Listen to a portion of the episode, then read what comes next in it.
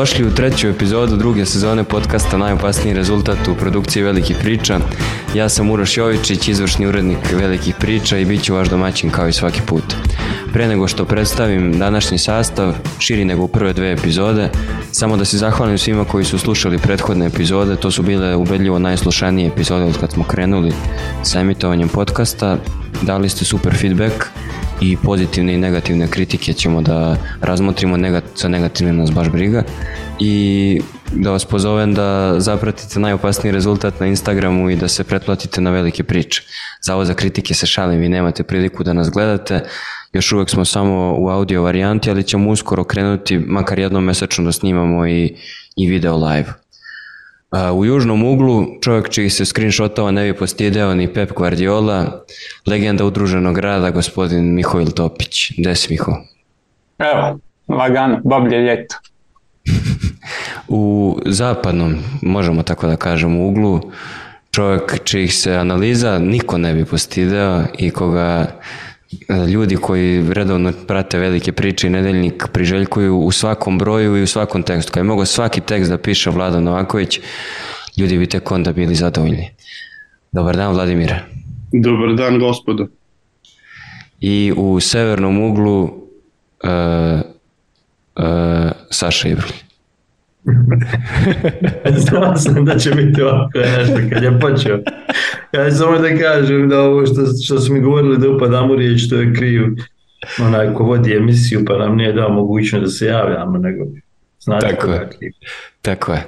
Danas ćemo da, već smo u, u prvoj epizodi nove sezone govorili o ovim našim regionalnim klubovima u europskim takmičenjima, ali ćemo, i tu smo spomenuli malo Zvezdu i njenu grupu, ali ćemo danas napraviti detaljnu analizu nove sezone Lige šampiona koja počinje 15 minuta pre nego što ovaj podcast bude pušten online na sajt velikih priča i na sve audio platforme i na YouTube, tako da ćete imati priliku da tokom prve da tokom prve moram da ugasim ovog čovjeka. dakle, vi ne, nemate priliku da ovo vidite, ali ćete imati priliku da čujete kako Saša i ja jedan drugog ometamo tokom čitave epizode. Uspešni smo u tome. Dakle, radit ćemo analizu svih osam grupa i odgovoriti na vaša pitanja na kraju epizode. Nekako smo se tako podelili, pošto nas je četvorica, da svako uzme uh, u fokus dve grupe, nismo pravili neki pravilan raspored, više je, e, čak nije ni po simpatijama, mislim da je onako prilično random, tako da će ovu najavu Lige šampiona otvoriti Vlada Novaković, pričom o grupi A u kojoj se nalaze Bayern München, Manchester United, Copenhagen i Galatasaray. Izvolite. Što počnem da pričam o grupi, moram da kažem da očekujem ozbiljan tamburelo ove nedelje s obzirom da klub za koji navijam, klub iz grada u kome živim i klub iz grada u kome sam rođen igraju protiv uh, Bayerna, Barcelone i šta mi fali još, i Citya u, u gostima. Tako da. Pazi, ovo, sjajan šlagvort je bilo jedno pitanje, kaže, kog se pokolja vlada koga izuzetno cenim više plaši? Da, da, na, apsolutno. Na Allianz Arena ili, ili u Manchesteru? Ili, ili na Camp Nou, dakle, bukvalno je spektakl, čekam da se završi Liga šampiona za ovu nedelju pa da počnemo da živim. E, grupa e, grupa u kojoj ponovo su u grupi United i Bayern kao i sezoni 1998-99 do duše sa slabijim sa podcastom, opet ima danaca ovaj, tada je bio Brandby, sad je Copenhagen, ali umesto Barcelona Galatasaray. Pa, e, mislim da e, ne sećam se za sve ovo vreme, ovo je posljednja sezona grupa, ne sećam se da se ikad desilo da su sva četiri kluba e, bila super zadovoljna na, na žrebe. Svako je dobio bukvalno najbolju moguću opciju. Bayern je ekipa koja spada u onu najužu elitu evropsku, ali nemam apsolutno utisak, niti verujem da iko ima utisak da je um, trenutno u, u elitnom stanju. Dakle, da su trenutno to, top 3, top 4 što su po imenu. United je po imenu super elita, po tradiciji a, to nije, a, mislim po ovoj novoj tradiciji 10 godina unazad, ali trenutno stanje mu je još za jednu klasu gore. Um, a druga dva kluba, Galatasaray je klub koji ima opet zvučno ime, ali apsolutno niko ne zna u kakvom stanju će se pojaviti, dok je Kopenhagen verovatno ekipa koju su svi prižitkivali na žebu. Tako da su uh, sve četiri ekipe zadovoljne, ove dve bolje, zato što stvarno imaju dva protivnika koje bi morali da pobede um, a one dve slabije ekipe zato što su dobili uh, super zvučna imena, favorite, blockbuster utakmice, a pritom su to United iz ove sezone i Bayern koji još uvek uopšte nije skockan. Ove, i, I u stanju je da prima golove na najneverovatnije načine i, i da ih nadigravaju protivnici. Mislim, dva puta su razbijeni ove sezone u drugom polovremenu protiv Leverkusena i u, u, u Superkupu. Uh, Bayern je apsolutni favorit grupe, tu ne može ni da bude nikakve priče, imaju uh, idealno otvaranje tako što protiv uh, prvog konkurenta igraju kod kuće u trenutku kad su oni u potpunom rasulu. Uh, vidjet ćemo kako će ceo ovaj eksperiment da, da, da, da uh, se završi sa njima. Dobili su na kraju prošle sezone promenom trenera, dobili su čoveka koji mi deluje kao najmanje trener za Bayern od svih nemačkih trenera, ovaj, koji mentalitetski apsolutno se ne uklapa u ono što je Bayern, ne možete da zamislite, mislim, Bayern je hollywoodska ekipa, Bayern je ekipa, uh, mi smo najbolji na svetu, a trenira ih čovek koji um, sve vreme provodi utakmicu svađajući se sa sudijama, sve vreme nešto kuka, ništa mu ne odgovara i tako dalje. Se razumemo. Ekstremni sam fan Tomasa Tuhila, samo mi nije, nije, nije, nije tip trenera za Bayern, zapravo je neverovatno da nije ostao u onom prethodnom klubu u kojem je apsolutno tačno sve što, što njima treba. Ovaj, I sa druge strane, Tomas Tuhel je jedan od najvećih goniča robova na treninzima, a Bayern je klub kojem najmanje treba goniča robova na treninzima, jer oni su klub koji je oterao trenere jer nije na treningu ništa radio. Ove, ovaj, interesantna je ova sezona, interesantno je ovo kako se uklapaju sa, sa Harijem Kaneom. Kane je jedan fantastičan futbaler, futbaler koji je u stanju da na toliko načina ti popravi ekipu, ok, dao je već koliko četiri gola, ali uh, on, ono gde će on pomoći nije samo u davanju golova. Uh, siguran sam da nije zadovoljan prelaznim rokom Tuhel, ostali su bušni tamo gde njemu treba, ali imam utisak uh, da je dobar deo problema toga što ni uprava ne veruje da će on ostati tu do kraja sezone i da mu je ostavila da, da, da nije htela da dovede igrača koje po njegovom ukusu, a neće biti po ukusu bilo kojeg drugog trenera koji dolazi, a, a, mislim kon, konkretno na, na, na paljenju, ove, jer nekako imam utisak da postoji dobra šansa da čak ni januar ne, ne dočeka na klubi. Pre svega zbog te frikcije između njih. Budimo objektivni, ba će verovatno biti šampion Nemačke i ove godine, ove, kao i svake, E, tako da ne, neće ta vrsta stvari biti problem, a mislim da u ovom trenutku stvarno nisu taj tip kluba ko, koji e, bi mogao da, da se smatra šampionom, e, favoritom za, za ligu šampiona. Međutim, i za njih i za United važi to da ukoliko nisu u stanju da prebrode, mislim, dobro, Bayern će prebroditi sigurno, e, ovakvu grupu stvarno nema ni razloga da igraju ligu šampiona. Više ljudi je postavilo pitanje da li bi možda Galatasaray u nekoj varijanti mogao da bude Dark Horse. Ne znam na što ljudi misle, neće sigurno Galatasaray da ide do kraja, ne znam šta je. Finale sa City. Da, verova, verovatno cene da bi možda mogli da iskoriste, mada to zvuči jako onako kao science fiction, da bi mogli možda da iskoriste Unitedovo cepanje koje u ovom trenutku izgleda onako prilično Pa vidi, snažno. ovaj, cepanje je ekstremno snažno, međutim ja tu ne vidim neki dark horsing. Ima tu nekoliko stvari kad su u pitanju United i Turska. Prvo, uh, United je neke istorijske neuspehe kod kuće ostvarivo protiv Turaka, Fenerbahče je prvi klub koji je pobedio na Old Trafford u strani, um, Galatasaray ih je izbacio u vreme Fergija i Kantone u onim čuvanim utakmicama kad su Kantonu tukli policajci na stadionu. Ove, e, posljednja tri gostovanja u Turskoj United je izgubio protiv trenera um, ekipe sa kojom će igrati ovoga puta, uh, dok je on bio u Bašak Šehiru, izgubio je u situaciju u kojoj Bašak Šehir bio užasan u ligi i nije uzeo ni bod još uvek u um, Ligi šampiona, United je otišao tamo i izgubio utakmicu, tako da uh, apsolutno ništa nije iznenađenje. Ja sam bio na, na prethodnom gostovanju Uniteda protiv Galatasaraja, da duše tad su već prošli grupu pa su igrali klinci, imam slike dvojice igrača kako ulaze na teren u svojoj jedinoj utakmici u Ligi šampiona za United. ovaj, moram da im javim, da, da, da im prodam sliku. Mislim, bukvalno trenutak stajao sam na 10 metara od njih dok su ulazili ovaj, na, na, na teren. A, ono što, što ni, mene ne bi iznenadilo uopšte bilo, ni, ni, ni najmenje da United ima ozbiljne probleme u Turskoj, ne bi iznenadilo ni da kod kuće ima probleme sa, sa Galata Sarajev, ali je problem što Galata Sarajev mi ne deluje kao da bi mogao nešto ozbiljnije da naškodi Bayernu i mislim da bi mogao da ima problem sa Kopenhagenom u smislu da ne može da ga pobedi i kod kuće i na strani. Ove, tako da, da je to ono što što meni pravi razliku u ovoj grupi.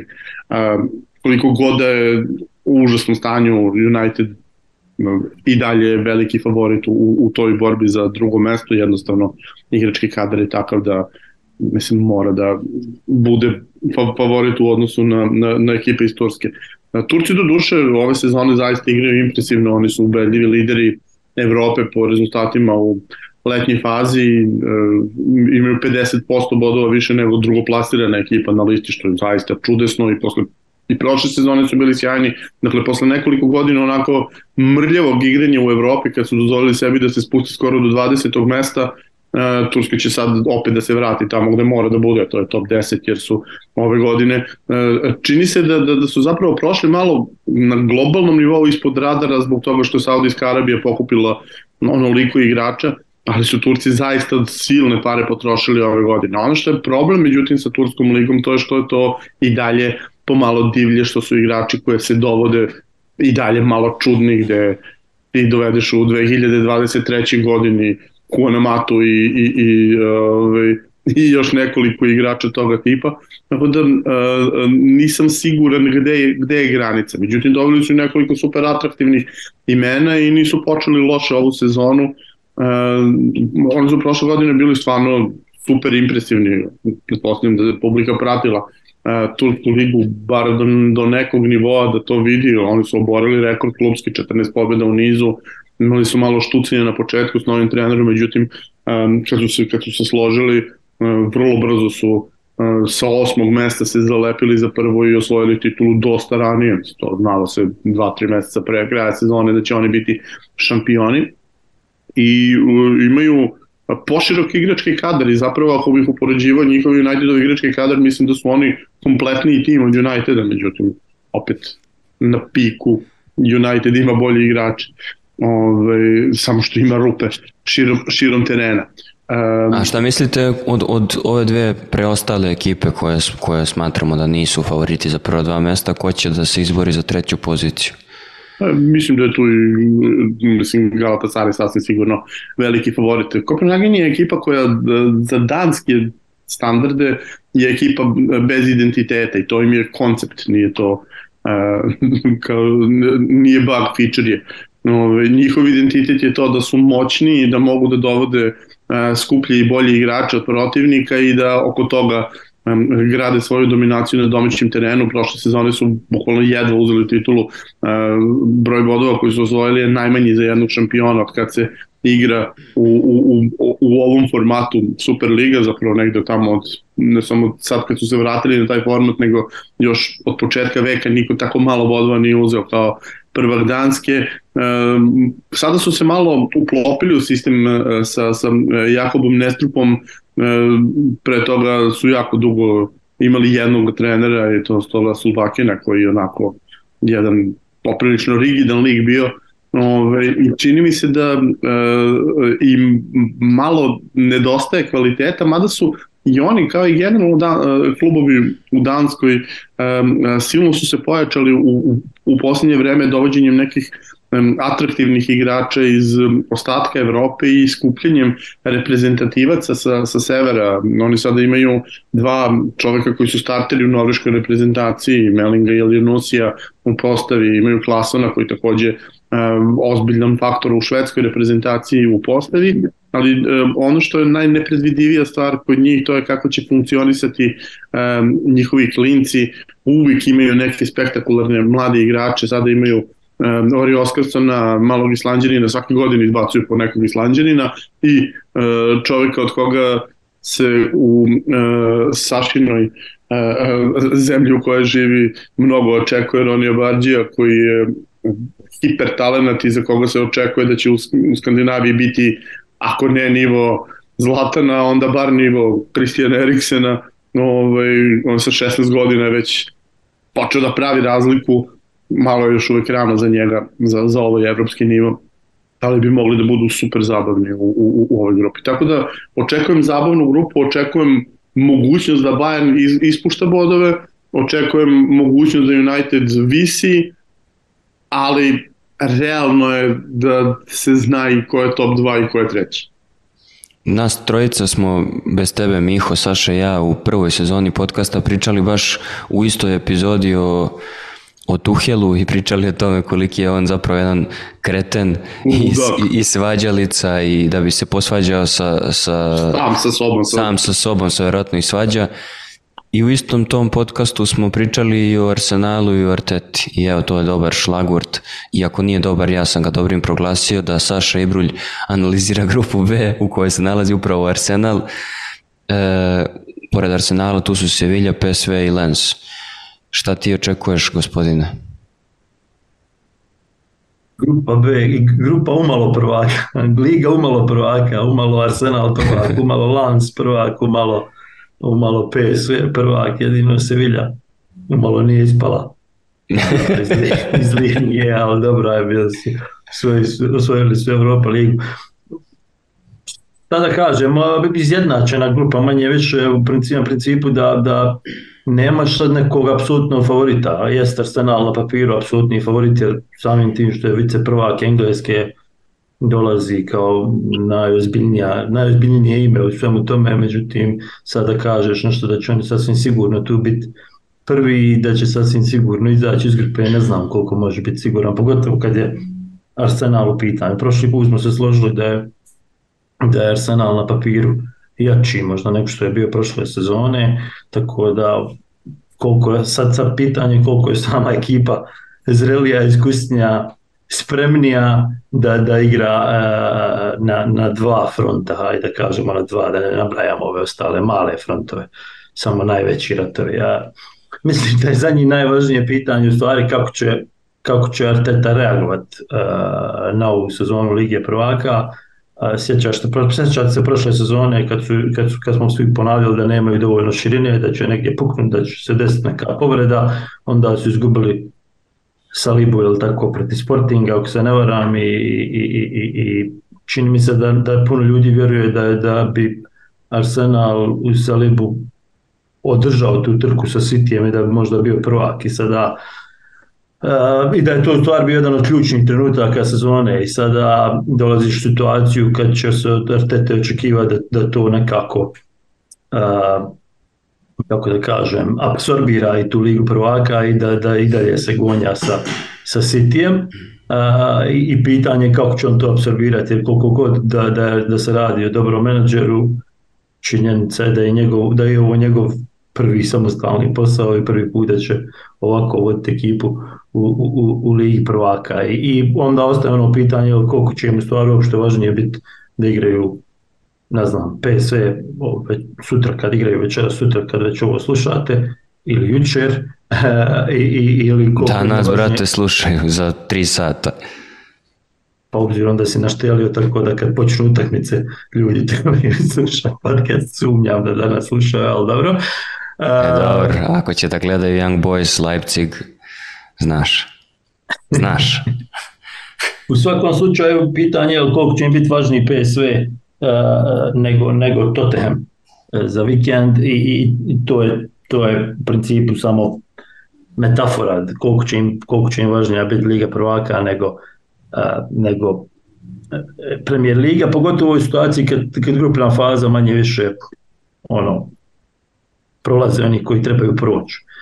Tako da... Kažeš da je Arsenal bolji nego prošle sezone, ti si na kraju Ma... prošle sezone u Ligi Europe pisao tekst o, o Sevilji i naslov je bio zanimljiv, e, šampionski autobus je postao redovna linija. E, da li su se oni išta promenili, da li će se oni ikad, išta, da li će oni ikad išta promeniti u tom smislu ili misliš da će ovdje da gađaju da budu treći pa da idu da osvoje Ligu Europe? Koliko sam shvatio, ovo je zadnja prilika da to rade. Evo, pa da. Onda, ono, do godine već ne, ne ispadaš u Europa ligu, nego ostaješ nego, nego, nego ispadaš u ništa prvi put. Hoću reći, jesu se išta promijenili? Jesu se promijenili, rekli smo na početku, borili, borili su se za opstanak umjesto za, za bilo što u vrhu. Završili su čini mi se 12, ako se ne varam, i kad ti uzmeš, to je neki 9 bodova bilo iznad Valjadolida koji je ispao, kad ti uzmeš to ne izgleda strašno, ajde nije strašno jedna sezona, međutim ono bila je prava borba za ostanak u jednom trenutku i zato jesu doveli uh, Mendilibara koji ono, kad pogledaš CV daje malo Eibara, daje malo Alaveša, daje malo Osasune, Levante, a šta znam, Valjadolida i to je čovjek koji ostavlja ekipe u ligi i zato je doveden u principu da ostavi ekipu u ligi. E, e, e, e sad je u tome uspio ostaviti u ligi, a ovo što su osvojili Europa ligu, to dođe kao ono, znaš, šta će drugo raditi u Europa ligi Sevilla nego je osvojiti, tu, tu ne, ne, ne, vidim, ne vidim šta bi drugo mogli raditi. za razliku od sve ove tri ekipe u ovoj umalo grupi Lige prvaka je, je to da imaju iskustva. Jer kad uzmeš Arsenal, svi će oni biti nakvi željni, gladni Lige prvaka, kad čuju himnu, niko nije ni čuo još himnu, isprve svi pričaju himnu, himni, himnu, kako se kaže. Ovi imaju, imaju Ramosa, imaju raketu, imaju Navasa, imaju Lamelu, imaju ono, ne, ne fali im iskustva, ako, ako išta znamo da im ne fali iskustva i, i, i tako da i oni ulaze u ovu grupu na principu ne, nije to, ne znam koliko ste gledali ove prve utakmice u, u prvenstvu, ali nije to sad neka ekipa koja nešto igra divno, krasno. Mučili su se u, u sve četiri, su četiri utakmice, izgubili su prve, odnosno ne znam koliko, jesu izgubili prve tri, u svakom slučaju dobili su prvi put Teklas Palmasa, tako da daleko od toga da to nešto izgleda impresivno, ali da mogu napraviti probleme i da mogu biti prvi u ovoj grupi, mogu. Dobro, a... Što se tiče, što se tiče ostale dvije ekipe, a... Nema veze, jel? Samo se pre, pripremi ove dvije, ajmo dalje, jel? ne, ne, ovaj, znaš šta, PSV, Eindhoven i, i, i, i Lan su u principu kulturološki slični klubovi, ono, seoska zabava, imaš imaš samo to i nema više ništa drugo u, u, u, tom, u tom gradu, slash selu, ne znam kako. Ok, Eindhoven ima koliko 250 ljudi vlada, ali to je A što ima 250.000 ljudi, nego što ja nikad nešto ružnije nisam vidio od grada. Od Ima, imaš Philips, imaš PSV, vamo u Lansu ne znam koliko ima 30.000 ljudi, imaš... Imaš rudnik. Imaš klub i, i to je prilike to što imaš od zabave. Uh, PSV je imao malo, malo specifičan kraj sezone, otišao im je uh, Rodvar Nistelrooy, nije slutilo na dobro, tako da ovo što su oni na kraju izvukli bili drugi, uh, to je sasvim sasvim korektan rezultat, sad su izgubili neke igrače, tipa Simons je otišao u Red Bull, uh, Sangare je otišao u Forest, jel tako? Međutim, to je život PSV-a. Ono, šta drugo očekivati od PSV-a nego da, da proda ono što je bilo najbolje prošle sezone. Imaju sasvim solidnu ekipu, koliko sam vidio nisam nešto pretirano pratio holandsko prvenstvo na početku, ali rekao bi, rekao bi da imaju sve četiri pobjede, tako vlada ti to tako, više su. Od da. mene nisu do duše jedini, ima i Alkmaar ima sve četiri i, i, i podsjetim je Ajax ima sve četiri. Uh, no, nema Ajax je u kanalu, da, da. Ima, Twente, pardon, ima, ima Twente koji je tu ko Ajaxa za sve četiri, da. Da, da, da, pardon. U svakom slučaju, uh, rekao bi nekakav klasičan paket za PSV, ono, kad su, kad su nabili Rangers-e, tu ime što se Lige prvaka tiče sezona bila ispunjena. E, hoću Vladu da pitam, kad si sad spomenuo taj, taj dvomeč, ja mislim da su da to potpuno nepromenjen odnos snaga bio u odnosu na prošlu sezonu u tom dvomeču PSV-a i, Rangersa. Tako makar tako sam komentarisao s nekim navijačima PSV-a da su oni bili u fazonu pa dobro, očekujemo prolaz, pošto prošle godine smo isto trebali da prođemo, pa smo pa smo najbali, jel? Pa i nismo ta, prošli. Ta prošla sezona je bila vrlo, vrlo neprijetna jer je PSV ušao sa ogromnim ambicijama u to i delovalo je super i uzeli su, izvukli su nerešeno u gostima i onda su kod kuće uh, odigrali najgorih pola sata koji sam ja vidio neki holandski klub u Evropi ikada i totalni kolaps i Rangers ne znam kako nije četiri gola dao za to vreme jer jednostavno bukvalno su se nudili i, i onda je posle toga krenuo Rangersov kolaps. Ovaj, kad, kad su ušli u grupu, dok je PSV, ja mislim zapravo ovo što kaže Saša, e, izvukli su najbolju moguću sezonu, jer oni su pokupili super kup, pokupili kup Holandije, uzeli drugo mesto, pa sve su Ajaxu pokupili, ove, ispred nosa i jako su imali mnogo problema i jako im je otišao na polusezoni um, Cody Gakpo koji im je bio izvor otprilike polovine golova u, u, u prvom delu sezone e, i zamenili su ga a, prelepim uranom futbolerom Wolverhamptona Silvom koji se Uh, se sećate prelepog urana iz onog Duška do Guška, uh, ne, prelepi, ček, ja, nije uran, pa jeste uran, oni što ga donose na uh, ogromnom poslužavniku u, u, u ring, pa ga onaj veliki ubije prvim udarcem. Ove, lik koji uđe u dan šest najlepših golova sezone u ligi u kojoj igra, a sve ostalo promaši uključujući šest puta sa dva metra. Ove, međutim, mislim da je ove godine PSV jači nego prošle, iako su izgubili čudo od igrača u Ćavio Simonsu, iako su izgubili Sangarea koga su odvodili godinu i po dana svi kogod stigne pa na kraju završio koristu um, mislim da, da su odradili nekoliko fantastičnih poslova. Pre svega uh, mislim da su kompletniji tim nego prošle sezone. Uh, Noah Lang im ove godine i igra tog Mercurial talenta, on je u finišu prošle sezone sa, u Brižu odigrao spektakularno, najčešće igrajući utakmice sam, a ovde deluje kao da je više onako postao timski igrač i malo manji ludak nego što jeste. Stvarno je veliki ludak, dobili su nekoliko stvarno dobrih rešenja u svim linijama, vratio im se Čuki Lozano kojem nije bilo mesta u ovakvom Napoliju, ali mislim za stanje za, za PSV zaista fantastičan igrač.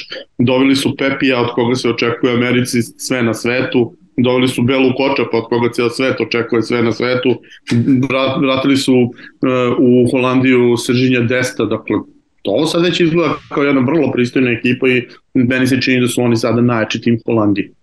Što Miho, ne mora mnogo da znači u ovakvoj ligi šampiona. Tako je, Miho, e, kad si analizirao Rijeku u, u Evropi, govorio si o tome da u, u vašem podcastu, nije ni to zgorek spomenuti, uh, Saša Ibrulj radi podcast Offside, a Mihael Topić sa svojom ekipom radi podcast Tribina i tamo možete slušati i gledati uh, priču o, o pre svega o HNL-u i o Premier Ligi Bosne i Hercegovine, ali i o drugim temama.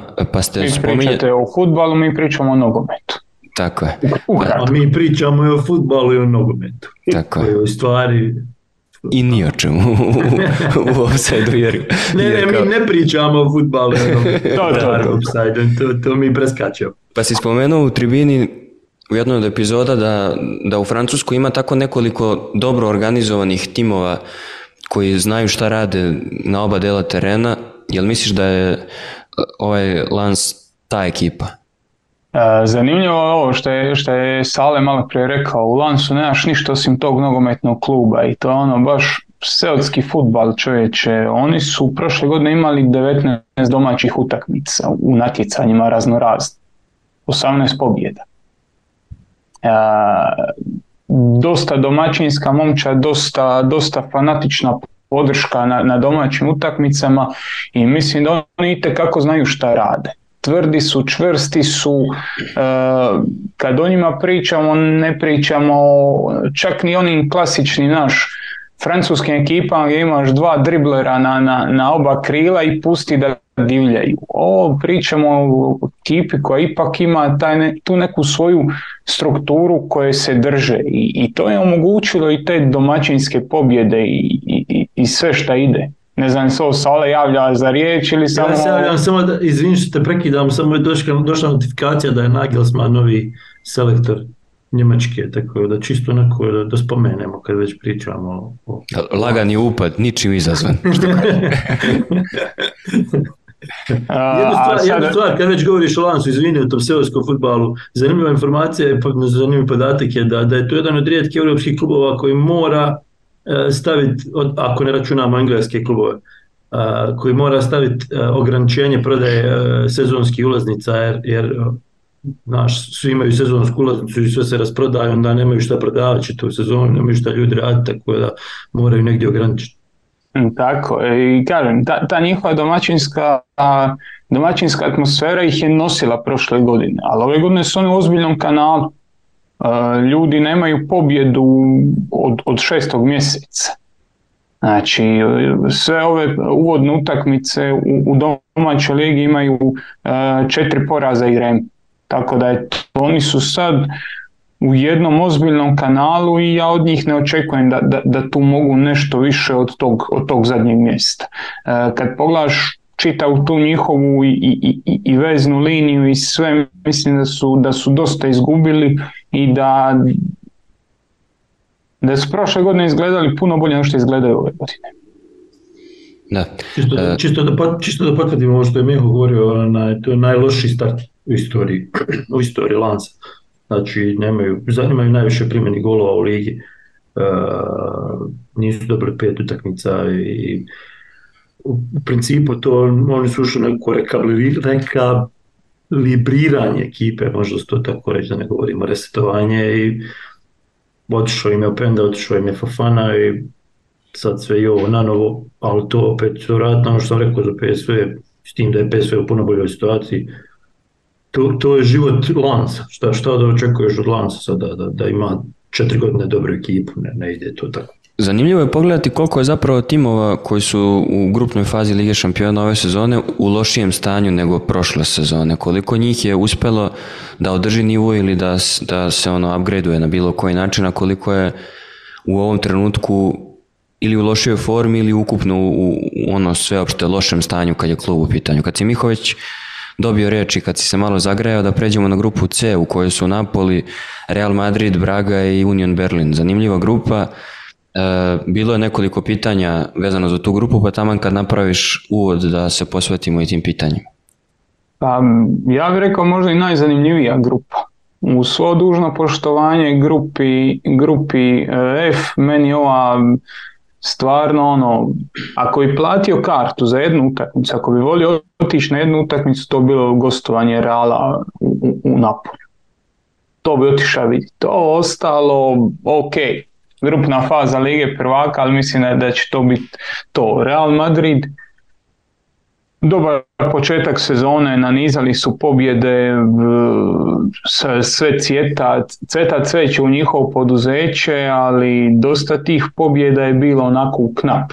Baš u knap. Uh, Jude Bellingham se tu ističe ko, ko, ne ono, talisman, ko neko ko vuče momčad. Njegova statistika na početku sezone je impresivna. Pet utakmica, pet golova, uh, asistencija, ono, brutalne brojke u svim segmentima, preko dva ključna dodavanja, preko četiri oduzete lopte.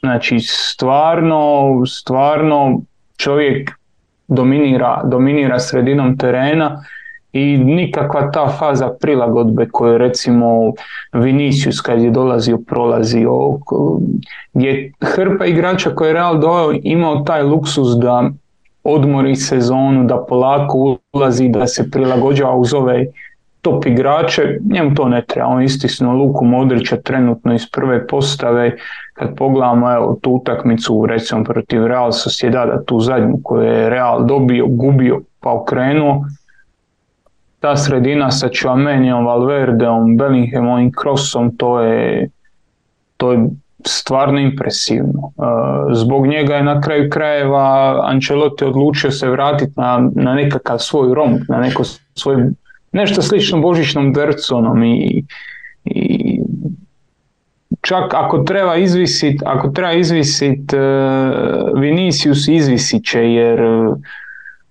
jer je Bellingham toliko dominantan da mu moraš neke stvari prilagoditi. I, i, i to mislim da, da, da u ovoj sezoni radi.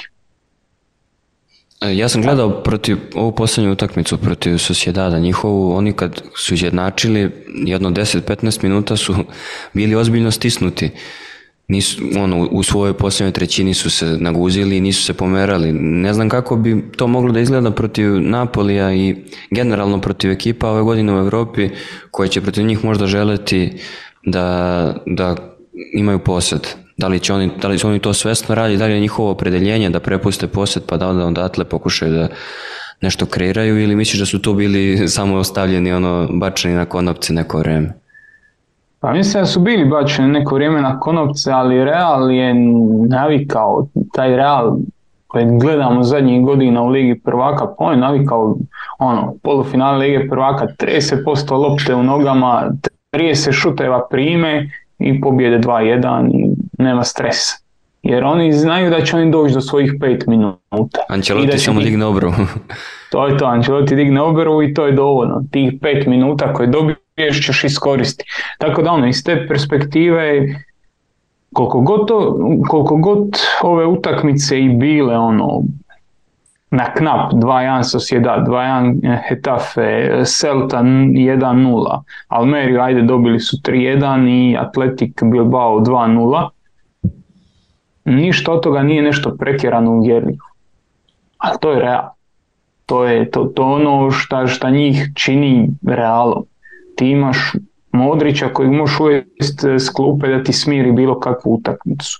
E, imaš Čuamenija, e, ovoga kako se zove, Kamavingu, imaš Valverde, imaš ogromnu energiju u sredini koju možeš koristiti. E, počeli su koristiti čak i Brahima Diaza u sredini terena. Znači, to je čovjek koji je prošle sezone bio jedan od nositelja Milana.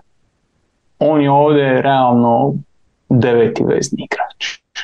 A Možda nije deveti, ali, se, ali to negdje sedmi, osmi, tako da stvarno količina rješenja koje imaju u sredini je ono, fantastična, napad je takav kakav je, Vinicius i Rodrigo igraju te uske uloge, nisu više rašireni na krilima, igraju usko. Uh,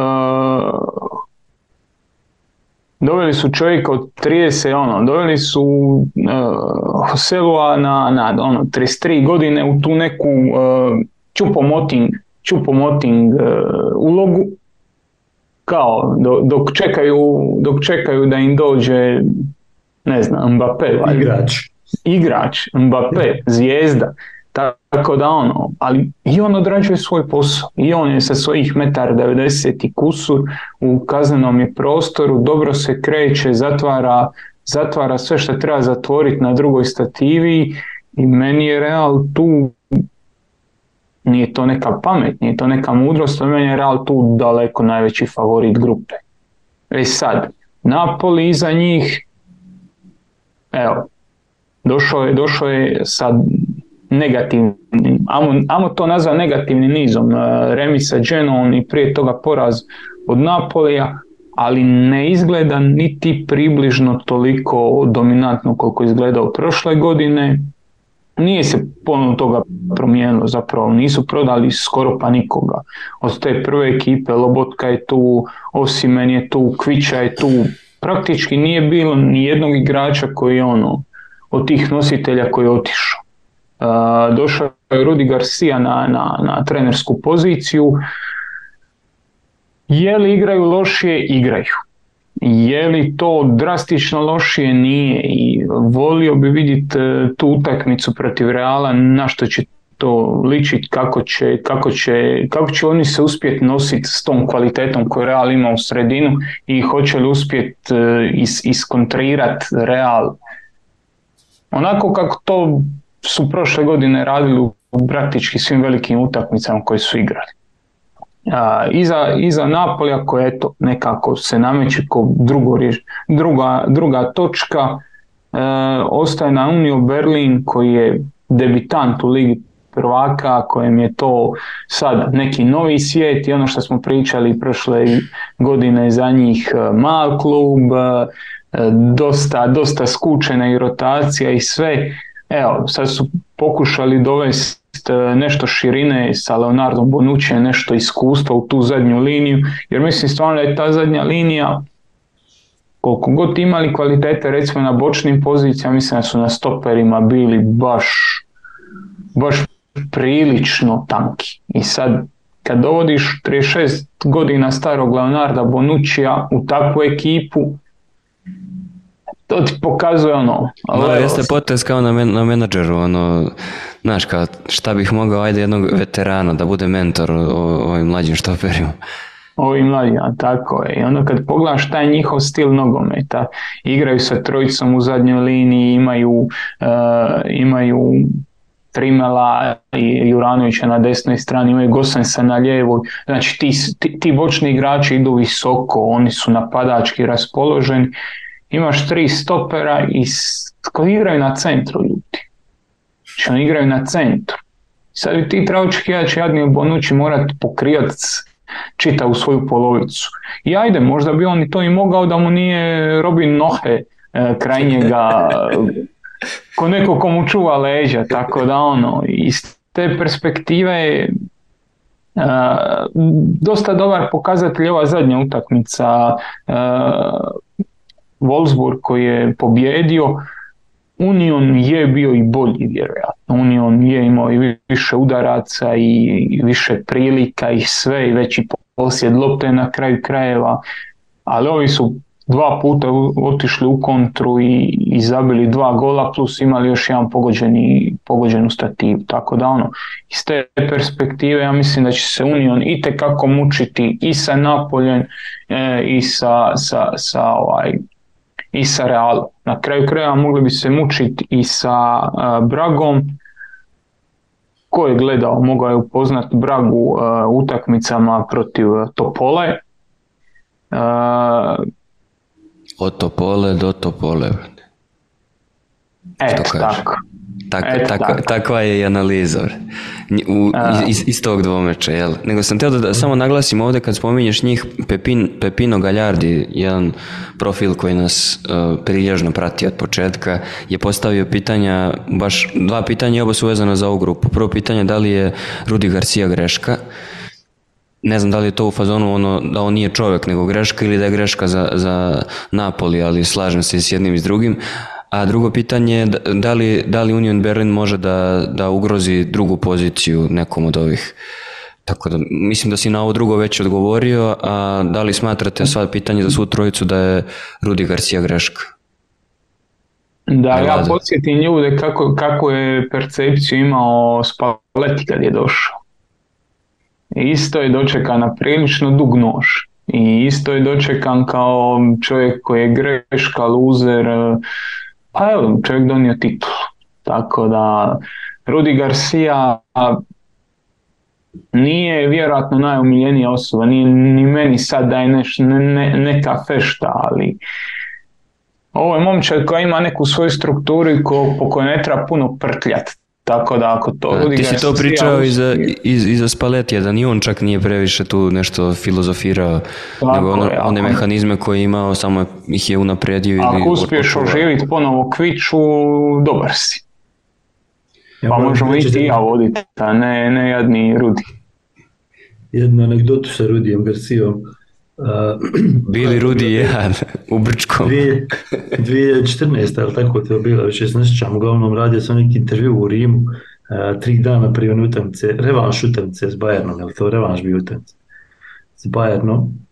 Uh, Ne, pardon, nije to revanš, to je mislim u grupi bilo. U svakom slučaju, tri dana prije utakmice s Bayernom, uh, te nema otjerao s treninga, iako nisam imao nikakve veze sa gledanjem treninga, što me briga za gledanje treninga, nego onda imao ona klubska neka, šta znam, restoran u kojem se radi intervju, ali ne, ne, ne, moraš, od, moraš otići, dakle, da ne gledaš trening, igramo s Bayernom, da ne bi ti nešto prenio ili šta već misle ti treneri. U svakom slučaju to je ono bilo kad su izgubili 7-1 ili koliko su izgubili Pa da nisi ti bio bilo bi sam pripremio. 13-1 da, ni, da te nije otero. Super se pripremio. A Vlado, tebi kako, kako izgleda Union Berlin? Misliš da može da da ugrozi bilo koga na bilo koji način? Stvarno deluju tanje mnogo od, od ove dve ekipe. Ma znaš kako, oni su prošle godine bili jahači, što bi se reklo, sreće, imali su uh, uh, najveći, uh, najveće nadmašivanje expected goals razlike u univerzumu ikada. Ove, s obzirom na to i generalno utakmice su im izgledale tako što ih protivnik tambura 45 minuta ne uspe da da gol, oni iz prve kontre daju gol i onda daju nekakve još druga dva E, ali onda kad su došli u Evropu imali su problema, mislim njih je Union Briselski, Union Saint-Gilloise razbio tamo i unakazio u Briselu i to i u grupi i u ovaj, poslu eliminacijama, tako da to otprilike govori gde je njihov limit i ovo ipak igra za velike dečake. Liga šampiona je postala neprijatno mesto za one timove koji mogu jako lepo da igraju u Ligi Evrope i posebno u Ligi konferencija I, i to bi moglo da sačeka mnoge klubove iz ovih trećeg i četvrtog šešira e, i ove sezone. Upravo sam to htio da kažem, čak ova grupa D koju takođe Miho najavljuje, u kojoj su Benfica, Inter, Salzburg i Sociedad, čak malo i podsjeća onako po konfiguraciji na neku jaku, prejaku grupu iz Lige Evrope. Ok, tu su i Inter koji je finalista od prošle godine, Benfica koja je e, ono kako kažu e, klasično neugodna sebi pre, pre svega, rekao bih, ali deluje onako da, da i, i ta grupa po kvalitetu možda ne pripada ovom društvu za velike dečake, jel? Miho, šta si ti pripremili, šta ste pripremili recitaciju, monolog? Uh, kad bi, kad bi gledao vjerojatno kad bi se trebalo kladit koja, koja grupa će imati najmanje uh, gledanosti, ja bi izabrao ovu. Pa da. Znači, ja ne vidim mog čaču, moj čač ima 70 godina, je napunio nedavno. Ima, ima u, kako se zove, ima televiziju koja mu služi samo da gleda nogomet i ono, kaubojske filmove. I. Ne, nema, nema unuke još, pa nema crtanih, nema crtanih, ali to su otprilike dvije stvari koje se vrte na njegovoj televiziji. Kaubojski filmovi i nogomet. I sad kad pogledam... Bukvalno, bukvalno kao, kao da gledam e, ekipu s kojom sam se družio recimo početak osnovne škole, ono, sa 6 do 10 godina. to je to. I kad pogledaš Real Sociedad Benfica, ako vrtiće po, po televiziji i pribače na Pink Western. Pa sad to ja kažem, to više liči na kaubojski film nego na utakmicu. I onda će neće znat naći razliku. Neće znat naći razliku između tog dvoje. Tako da mislim da, da što se tiče casual fanova, amo to ih tako nazvat, e, svaka od ovih grupa prethodnih, Bayern, e, Bayern United, pa Arsenal, pa Real pogotovo, svaka od tih grupa ima neku super ekipu gdje Inter koliko god igrao tu koliko god igrao prošle godine bitnu ulogu u Ligi prvaka ipak nije super ekipa. Nema super zvijezde, ne dolazi iz tog anglosaksonskog tržišta, nije, nije, nećeš vidjeti dijete, ja živim u mal, malom dalmatinskom gradiću i glavni suvenir su nam e, falši dresovi falši dresovi raznoraznih nogometnih klubova koji se mogu kupiti na, na kiosci. Mali Poljak nikad neće kupiti dres od, e, od Intera. Ne znam li ih uopće prodaju. Možda od Inter Majamija, to da, ali od Inter Milana nažalost ne. I to te dovodi nekako do, do toga da mislim da će ovo biti naj, najmanje praćena uh, grupa Lige prvaka, a da će biti zanimljivo, ja mislim da će i kako biti, jer imamo Benfiku i Salzburg koji su neugodni svojim načinom igre.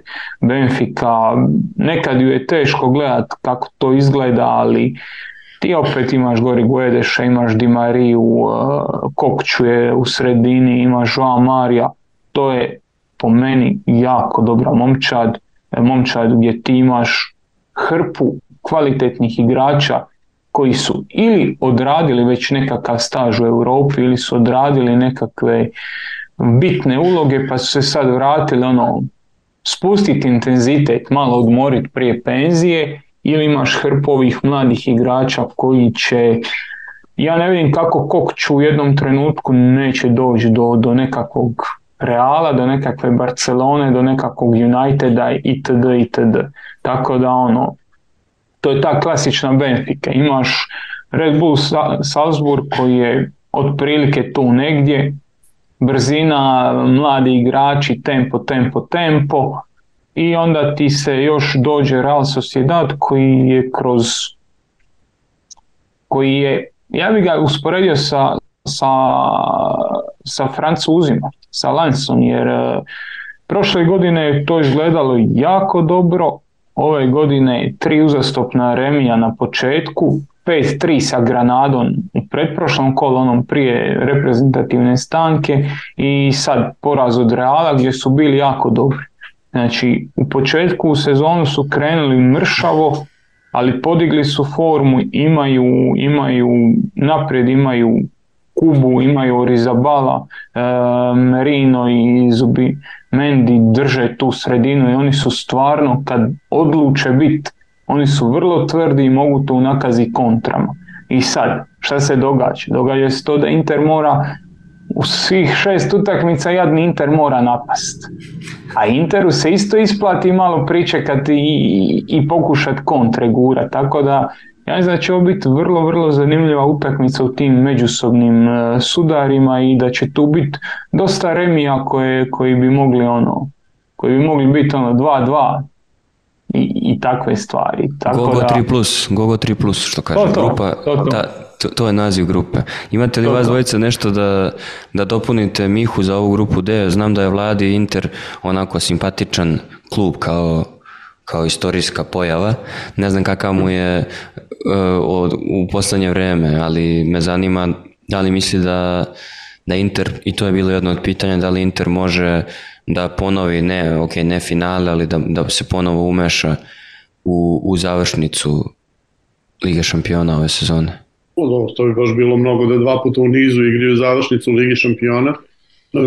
Ipak nisu na tom nivou igračkog kadra da takve stvari rade, osim što nisu po prirodi taj nivo a, privlačnosti na, na, na tržištu.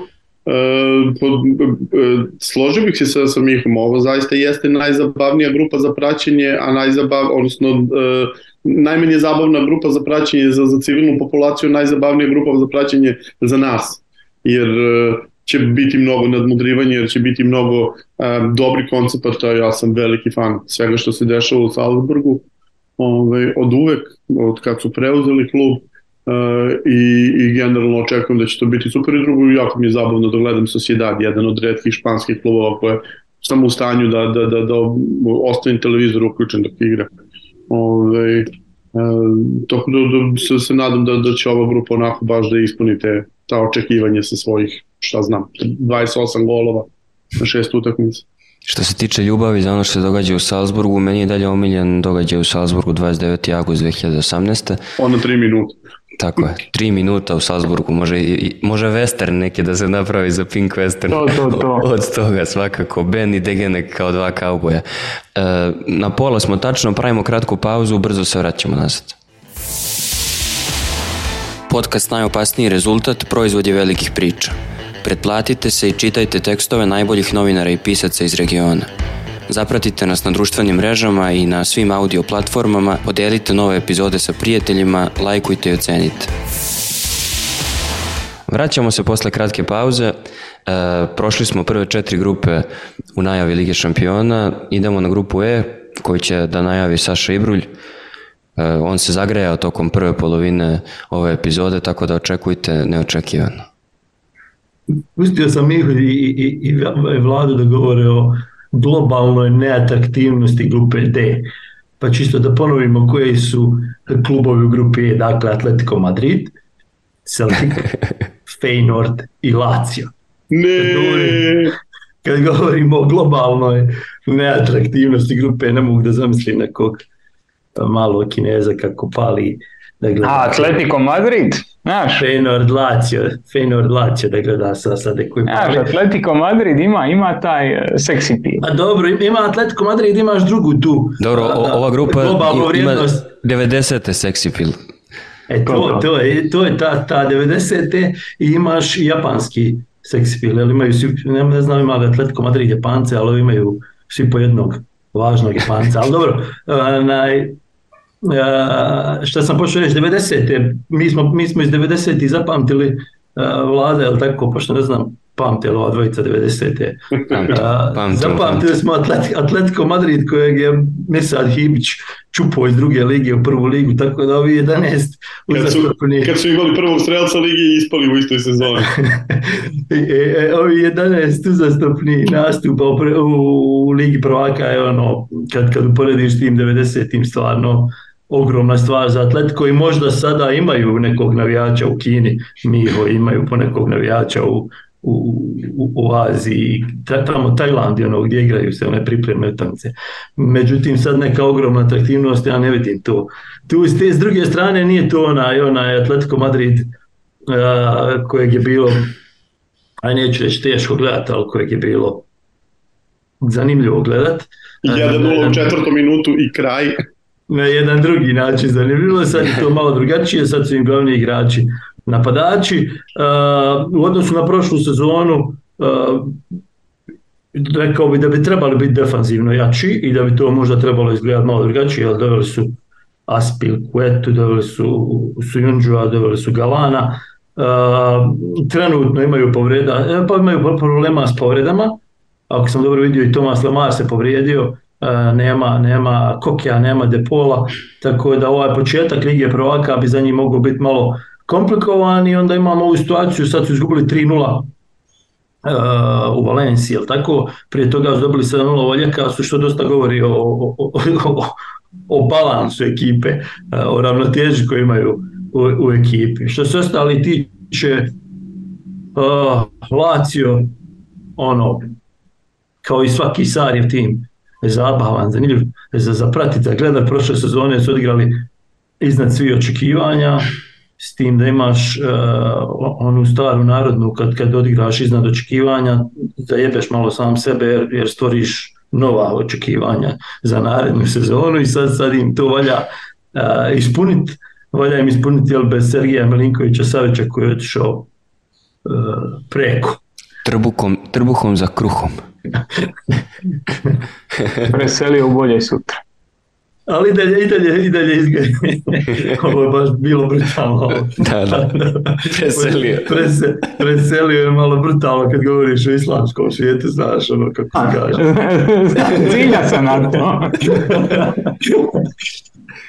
ali i dalje, i dalje bi mogli biti zabavni i zanimljivi, imali dobro su Kamada, dobro su Guendozija, dobili su uh, Casteljanosa, Isaksena, tako da ima tu možda malo prilagođavanja i ove prva četiri kola se pokazalo da će biti prilagođavanja, ali u ovakvoj grupi mislim da, da obzirom na na činjenicu da su, da su ponovo u Ligi prvaka i da je prošla sezona bila najbolja nakon koliko, 20 i nešto godina, odnosno nakon titule, možda bi oni mogli biti u ovoj grupi nekako iznenađenje, ako se uopšte u ovoj grupi može nazvati neko iznenađenje i što što će onda definitivno za njihovu domaću sezonu, ali mislim da to neće mnogi zabrinuti. I onda imaš Celtic uh, i, i Feyenoord, ali Celtic ono, ko sloboda u Jugo ligi.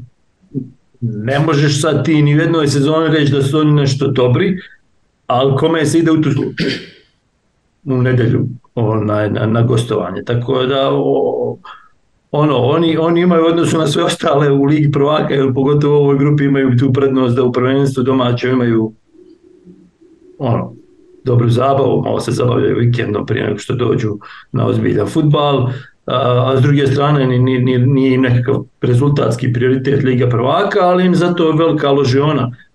Ja sam bio tamo kad su igrali s Helsingborom u kvalifikacijama i stadion se bukvalno trese i to je poprilično neobično za, za, za otok, I onda kad pitaš ljudi, oni ti kažu to je ono što nam imamo od ozbiljnog futbala, ako se mi ne plasiramo u Ligi prvaka, nema je ta sezona prespavat manje više, tako da, osim derbija, tako da, a već jedan derbi dobili, tako da ovaj, s te strane oni igraju taj sloboda tuzla futbal gdje, gdje mogu opušteno, lagano, mogu svakoga dobiti, mogu svakoga iznenaditi, mogu napraviti haos, a i da ispadnu ne bi bilo nikako iznenađenje ili da izgube svih šest utakmica, ne bi se, ne bi se niko šokirao. Ja.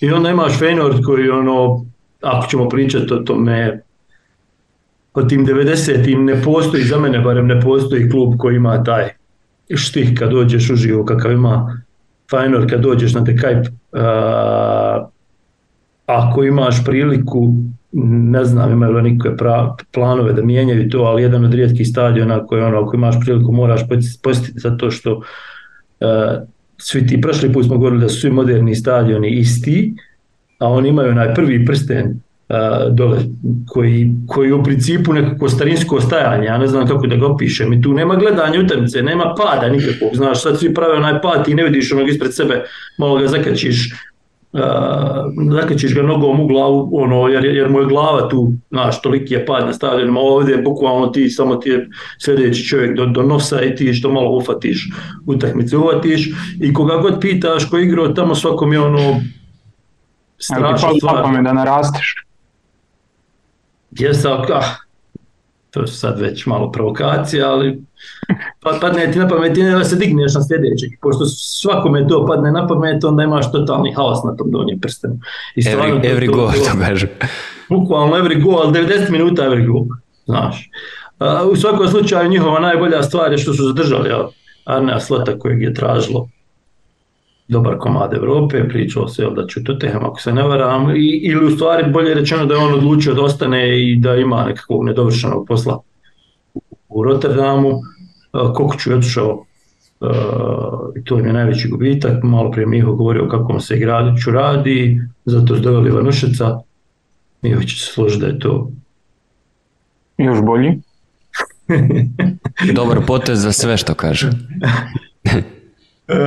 u, svakom slučaju zadnje dvije utakmice su malo, malo labavo krenuli, ali tako Sparta im uzela, otkinula bod, odnosno to je bilo na kaslu. ali su zadnje dvije utakmice zabili 11 golova, tako da mislim da će ova grupa koliko god globalno nije atraktivna biti zabavna u svakom slučaju, jer, jer sve četiri se djeluju, sve četiri djeluju u ovom trenutku da, da, da su baš dobra zabava. Treba napomenuti da, da je na velikim pričama izašao tekst Mihovilovo o Simeoneu i da je on naglasio da taj šampanjski nogomet, kako on rekao, koji Atletico sad igra i ne liči na sebe, će pre ili kasnije da se pretvori u ono što je njegova zona komfora. A to znači izvadite sablje i posecite ih. Ne, ne vadi me bez povoda, ne vraća me bez časti, kako piše na sabljama ali teško u ovoj grupi da ćemo to vidjeti. Jer... Da, grupa, grupa je za šest. Ali tamo u, u, veljači kad krene kriza u domaćem prvenstvu ili negdje oko Božića, našeg ili vašeg svejedno, e tada bi već moglo se resetirati na defaultne postavke. Vlado, pitali su tebe za, za Feynord, kako ti, kako ti vidiš tu ekipu i da li misliš da bi oni mogli da izađu iz ove grupe u osminu finala Lige šampiona? Rekli sad Sale, ove, oni su doživjeli taj šok, jer kad ti ode igrač u koga se vrti cela igra, to jeste šok, ali videli smo da se Ivan Ušec odmah um, prilagodio na, na, na ono što, što se očekuje od njega i ne vidim zašto bi oni uh, bili outsider u odnosu na, na ekipu Lacija. Lacio je jedna nepoznata za, za ligu šampiona u ovoj modernoj fazi. Tamo davno su bili potpuno drugačiji faktor, ali ovaj, e, nemam ja toliko poverenja u italijanske ekipe da ih gledam kao kada neko od Španaca ili Engleza igra u grupi pa podrazumevaš da će da prođe dalje. Um, a Feyenoord zaista deluje utegnuto, pričali ste već i o slotu, koliko je važan faktor, um, pričali smo o tome kako je važan faktor da imaš čoveka koji će ti uh, davati golove, a Feyenoord ima čoveka koji mu daje golove već koliko je šest komada dao u ovoj sezoni Santi Jimenez, ali ovaj, ono što čini mi se najveća njihova prednost, to je što imaju ogroman broj um, ofanzivnih oružja koje vam prete sa svih strana i rekao Sala da su 11 dali na dve, a onda produži to na tri utakmice, to je 17 golova na tri utakmice, dakle nije im trebalo mnogo da se uh, uh, ubace u fazon za ovu sezonu. I super ih je zabavno gledati, ne očekujem da će uspeti ove godine da, da dominiraju kao prošle, rekao već mislim da je PSV jači, ali ovaj, bit će super atraktivni i mislim da bi oni mogli u Evropi ove godine da naprave ponovo ovaj, čudo kao pretprošle sezone. Kad, kad već govorimo o Jimenezu, čisto treba reći da za prve dvije utakmice on ima suspenziju zbog crvenog da, kartona iz, iz, uh, iz Europa lige, tako da i tu su doveli u redu, jel, kad smo govorili o Japancima, doveli su u redu da, da ga pokrije, tako da i dalje, i dalje to mislim, našli, nismo pravili nekako ne, uh, mislio sam da ćemo praviti, jer nas Miho uvijek, oću Miho, pardon, Uroš nas uvijek na to natjera da pravimo, ono, ko će biti prvi, drugi, treći, četvrti, ali u ovoj grupi je... Čuti, ne da ložiš. Baš teško, baš teško, ono, ubos koja bi četiri mogla biti, odnosno kakav bi raspored mogao biti među ta četiri, tako da bit će zabav. Zamolit ću ja samo djevojku koja nam radi montažu podcasta da ovdje stavi bip. You talking to me? Krivom k***laka smeta, kažu kod nas. Tako da, kad pogađamo, ko će biti prvi, što pogađamo, kad ne pogađamo, što ne pogađamo, ko će više ugoditi. Ja sam te htio pohvaliti, ti tako. Ne, ne, ne, ja, ja, ja prihvatam pohvalu i jako sam zadovoljan. Mislim da će naši... Evo, mi, mi ti reci koja će biti četiri. Ajde. E, moraš mi da još malo vremena da ovaj, da, da, da, da, da napravim simulaciju, napravit ćemo simulaciju, da, da imamo točne postotke.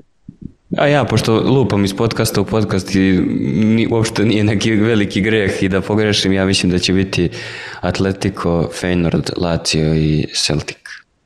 A ja isto mislim. Ja mislim da će Feyenoord e, proći dalje. Da će proći preko Lacija, i, a da će Celtic zadnji. E sad, pre nego što krenemo na ove dve grupe koje ja treba da najavim, pitanje koje se postavljeno je vladi, ali se odnosi na, na nas, svi treba da odgovorimo, tako je rečeno. E, pitanje koje, mislim da je Football Star, e, je naziv profila. E, spomenjali smo Inter, da to nije super tim, ni u, ni, u, ni u kom smislu. Spominjali smo Lazio sad i da ovo što vlada dobro rekao da sa njima nikad nemaš dovoljno sigurnosti da će oni rutinski da odrade neke stvari, čak evo Mihu, Mihu ja ne verujem da će proći grupu. Pitanje je e, šta nedostaje italijanskim klubovima za osvajanje Lige šampiona ili da ga ja malo preformulišem, šta im nedostaje da u kontinuitetu budu u završnici? To e, dva odvojena pitanja su to i mnogo različiti odgovori Uh, prošle godine za Ligu šampiona malo sreće da je neko malo gađao pored, da ne mnogo golmana, uh, 100% sam siguran da bi Inter da izjednačio uzeo trofej, ali ovaj, ono što im nedostaje da u kontinuitetu budu tu gde, gde bi želeli da budu su pare. I oni jednostavno nisu u poziciji da mogu na tržištu da se takmiče sa sada više ni sa ekipama iz, iz donjeg doma premier lige. Gledali smo pričali smo o tome svake nedelje pričamo o tome kako im Born, Bournemouth odvodi igrače i Sheffield United od, iz ekipa koji igraju u Ligu šampiona i nisu u stanju ni da zadrže timovi dovoljno zapravo pogledati to kod bivših premier ligaških igrača super zvezda u serija da ti vidiš koji je stvarno odnos snaga tu.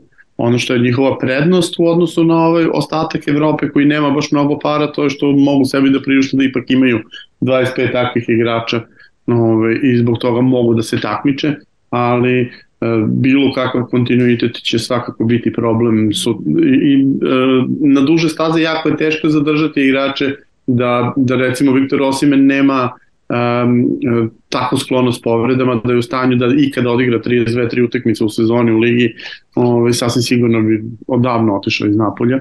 Ove, ali kada niko ne može, niko nije spreman da, da plati 120 miliona za čovjeka koji ima 24 utakmice u proseku po sezoni, uh, očekujem da priču vidim za godinu dana negde drugde i to, to po prirodi očekuješ za svakog igrača koji ne igra za Juventus Juventus je jedini tim koji tu deluje kao da je u stanju da, da, da, da sačuva igrački kadar dokle god se neko ne pojavi. Ali zaista, kad pogledaš sastav Intera, kad pogledaš sastav, pa mislim bilo koga, Milana, svi vidiš da pola, pola tog tima ne može da igra u boljim, u top 6-7 timova u La Ligi, ne može da igra u Premier Ligi skoro nigde. To, to, to, je, to je problem i neće se to promeniti. Nema, nema više načina da serija A bude uh, ne najbogatija kao što je bilo onih 15 godina, nego ni blizu čak ni onoga što što je potrebno sada da kon, uh, konstantno konkurišeš u Evropi jer, jer imaš klubove kao što su Bayern, Real i Barcelona koji će naći način, mislim Bayern po defaultu Real opet po defaultu, a Barcelona će izmisliti neki način da, da bude super bogata i da kad deluje da će morati sve da proda, ipak ne proda sve, nego da, da dovede još šest igrača. Mislim da si odgovorio na, na oba Čovjek pitanja. Čovjek je odgovorio za nas. Da, da, da. I, da, I da si odgovorio na, pa Sladom je uvek dobro raditi, snimati, pisati, sve on, on uradi nehajno veliki deo posla za sve. E, Nisam uzmemo pare. Tako je. Htio sam da samo kažem da odgovorio vlada na oba pitanja i ovo, ovo koje je postavljeno i ovo koje sam ja malo preformulisao. Znači može da se dogodi da u nekoj sezoni kao što je bila prošla italijanski klub dođe do same završnice i da uz sreću Pa isto, kraju... isto kao reprezentacija. Da, da. reprezentacija im ispada od Makedonije, a osvaja evropsko prvenstvo. Oni nisu u tom trenutku sigurno među 6, 7, 8 reprezentacija u Evropi, ali su zaista tokom tog turnira delovali kao naj, najbolje reprezentacije u Evropi. Da, ali to- to, je, to i to daje je trajalo tih malo. 30 dana. To je Da, daje da, malo, malo šmek tim italijanskim klubovima i generalno i Naravno. reprezentaciji i svemu što i nekada uvek te zapravo iznenada, samo te nekad ono patosiraju negativno, a nekad to bude vrlo pozitivno iznenađenje. Sad ja da krenem na najavu grupe F, to je ova grupa smrti, kako su je nazvali posle žreba, ja, Miho je to začeprekao, ja se slažem potpuno, po meni to i nije neka grupa smrti. Možemo da kažemo da je grupa smrti, recimo ako bismo smrt gledali kao neki poseban entitet za Katar i Saudijsku Arabiju, PSG i Newcastle, ili smrt nada svih kad su Milanski klub i, i Borussia Dortmund u pitanju, ali nekako meni utisak da mimo Newcastle ove tri ekipe su u lošijem stanju nego što su bile prošle sezone. Nisam siguran ni da je Newcastle u boljem u boljem stanju. PSG je onako delovao kao neki e, balkanski klubovi koji čekaju rešenje vlasničkog pitanja. Imam osjećaj, zapravo to nije neki osjećaj ni neka pamet preterana, e, da, da je United promenio vlasnika da bi i čitava ova priča oko PSG-a se potpuno srušila i da je to bio plan. E, kod njih je večito neki reality, kod njih je stalno neka ono tenzija, da li će Mbappe da ode, da li neće, ko gde odlazi, ko, ko će s kim da radi i kako. Oni su sad doveli trenera koji bi trebalo da uspostavi neki sistem, nisam siguran da uopšte dok, je, dok su sva ta pitanja nerešena, da on bilo kakav sistem može da uspostavi. I početak sezone im je kriminalan za njihove uslove, izgubili su od Nice odigrali dve, prve dve utakmice zapravo u prvenstvu su remizirali, Tako da od njih ne znam šta da očekuješ. Ljudi su postavljali često pitanje ko bi mogao da bude najveće razočarenje sezone. Ja mislim da, moje mišljenje je da bi to mogao da bude PSG. Ne znam šta mislite vas trojica. Masakrirao ih je čovjek koji je e, pre koliko, dve i po godine igrao u Litvanskoj ligi. Da, mislim, Šta dosta, dalje? dosta govori, pa to kao mentalni sklop, kao Masakrirao, olupina. ubio ih je čovjek je izgledao na terenu pored živog Mbappea kao igrač koji je za klasu i po bolji od svih. Da, mislim da kako su oni u, u toj silaznoj putanji, ono, ozbiljno i mislim da i, i Dortmund ne znam kako će se oporaviti od kraja prošle sezone.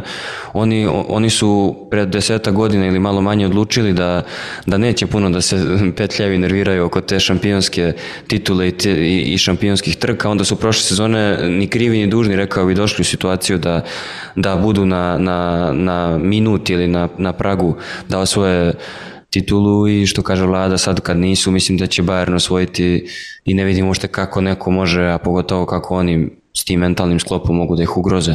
Oni su imali zanimljive duele ranije u, u, u Ligi šampiona, Dortmund i PSG, čini mi se pre dve sezone, tako, kada je kada je bilo ono sa Haalandom, ona prozivanja, ona slikanja, ali nema tu neke preterane vatre, što kaže Miho, mislim da će tu pre ovi uh, casual fanovi uživati u ovoj grupi nego ljudi koji koji se nešto preterano lože, može da bude zabavno svima, ali može da bude i totalni karambol i totalno negativno razočarenje.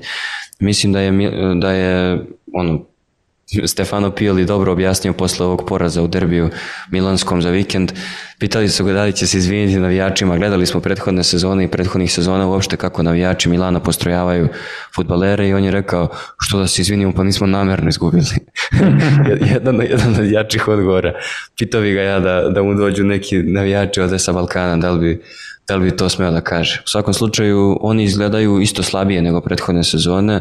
Mislim da je, u, oni su i prošle sezone daleko dogurali i slično kao Inter. Mislim da je to bila stvar i sreće i, i rasporeda i toga da su potpuno poništili e, Kviču u onom dvomeču i da tu su svi već vidjeli da, da Napoli ide dalje. Oni su nekako postigli fin rezultat u Ligi šampiona, da nisu to nekako igram, igrom i kvalitetom preterano zaslužili i rekao bih da bi ova, ova grupa mogla za njih da bude zanimljiva, ali imam neki osjećaj da bi oni možda najgore mogli da prođu u ovoj grupi. Ne treba uzeti ono kao nebitan faktor činjenicu da oni stvarno imaju tradiciju i da su da su klub sa jedan od, najboljih i najtrofejnijih europskih klubova i tu je četvrti klub koji nema takvu tradiciju, vrlo često se govori da je e, vrlo često se govori da je veštačka tvorevina, iako bih rekao da nije i da je to preterivanje. Pričali smo u prošloj epizodi o Newcastle, e, Vlada i Saša su se složili da, da je to jedan projekat koji je, ima, gde oni imaju dugoročne planove, da, da se neće tako lako odreći Edija i u slučaju da, da tim nastavi da posrće na početku sezone. I nekako moj osjećaj je da bi oni mogli da budu drugi u ovoj grupi, a da, da, da će PSG uprko svemu uh, odnosno da će Newcastle pardon, biti prvi u grupi, a da će PSG uprko svemu uspeti da se izbori za, za drugo mesto. E, imamo nekoliko pitanja za ovu grupu, pa taman da se nadovežete. Pitanje je to o koje sam postavio, da li bi PSG mogao da bude najveće razočarenje, a drugo pitanje je šta Dortmund uopšte radi? Koja je, ko, koji đavo oni rade? Ovo što je Saša rekao da navijači Celtika prespavaju veći deo sezone kad, kad ovi ne igraju Ligu šampiona, ovi tako izgledaju u svakom takmičenju. Ajde Mihovile, znam da ti je draga Borussia, pa bi mogao da nam ti iz svog ugla objasniš šta zapravo radi Borussia Dortmund. Hajdu, čuj mene, hajdu, Borussia Dortmund. Da, mora malo početi bira klubove za koje, ovaj, koje simpatizira. Ni, ni, ni veležu nešto ne ide, da ti kažem. Uh, ja mislim da, da je Borussia svoju šansu propustila ne prošle sezone kad je izgubljena ta titula za, za jedan gol, nego pretprošle. Ona sezona kad znaš da gubiš Halanda, zadnja Halandova sezona prodao si Sanča u, u uh, United, uh, imaš Bellinghama, imaš Halanda, imaš Sanča, da su oni nekak... Hm? I imaš pare od Sanča. E, ali, šta, šta ti želim reći? Jesu li te pare od Sanča u tom trenutku bile ključne? I onako moraš ići u rebuild. Ti si došao u sezonu gdje ti je desno krilo bio Wolf. Svo dužno poštovanje gospodin. Stoji nešto utakmica kao desni bek u, u Bundesligi. A čovjek je desni bek. I to ti ono, to je nekakav savršen opis te Borusije.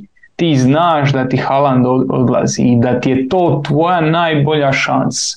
Šta radiš? Prodaješ Sanča jer je programirano da se Sančo tada proda. On je svoj odradio, dobili smo novce od njega i on ide u United.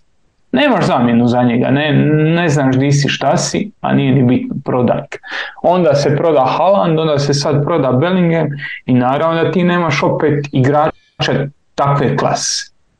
Jebi ga, ne možeš ih izvlačiti non stop iz nekog šešira. I sad si u tom nekom ponovo rebuildu u kojem bi onako bio. A ovako si ga možda odložio godinu dana, si ga eto odložio i imao si šansu za osvojiti naslov, ali više zato što ti je Bayern to ponudio nego što si ti nešto odradio. I naravno ove godine si u, u kanalu i ne možeš se sastaviti sam sa sebom. Uh, spominje se otkaz treneru, spominju se situacije da se traži ova igrač, da se traži ona igrač, treba se pojačati. To je taj ciklus u kojem se Borussia nalazi oni će opet završiti tu negdje gore dovoljno visoko četvrto, peto, šesto mjesto neke, ali u ovom trenutku oni nisu ni blizu drugog mjesta Bundeslige. Ni blizu, vjerojatno ni treći. I kad vjerojatno poglaš... ni drugog mjesta u Ligi šampiona, jel?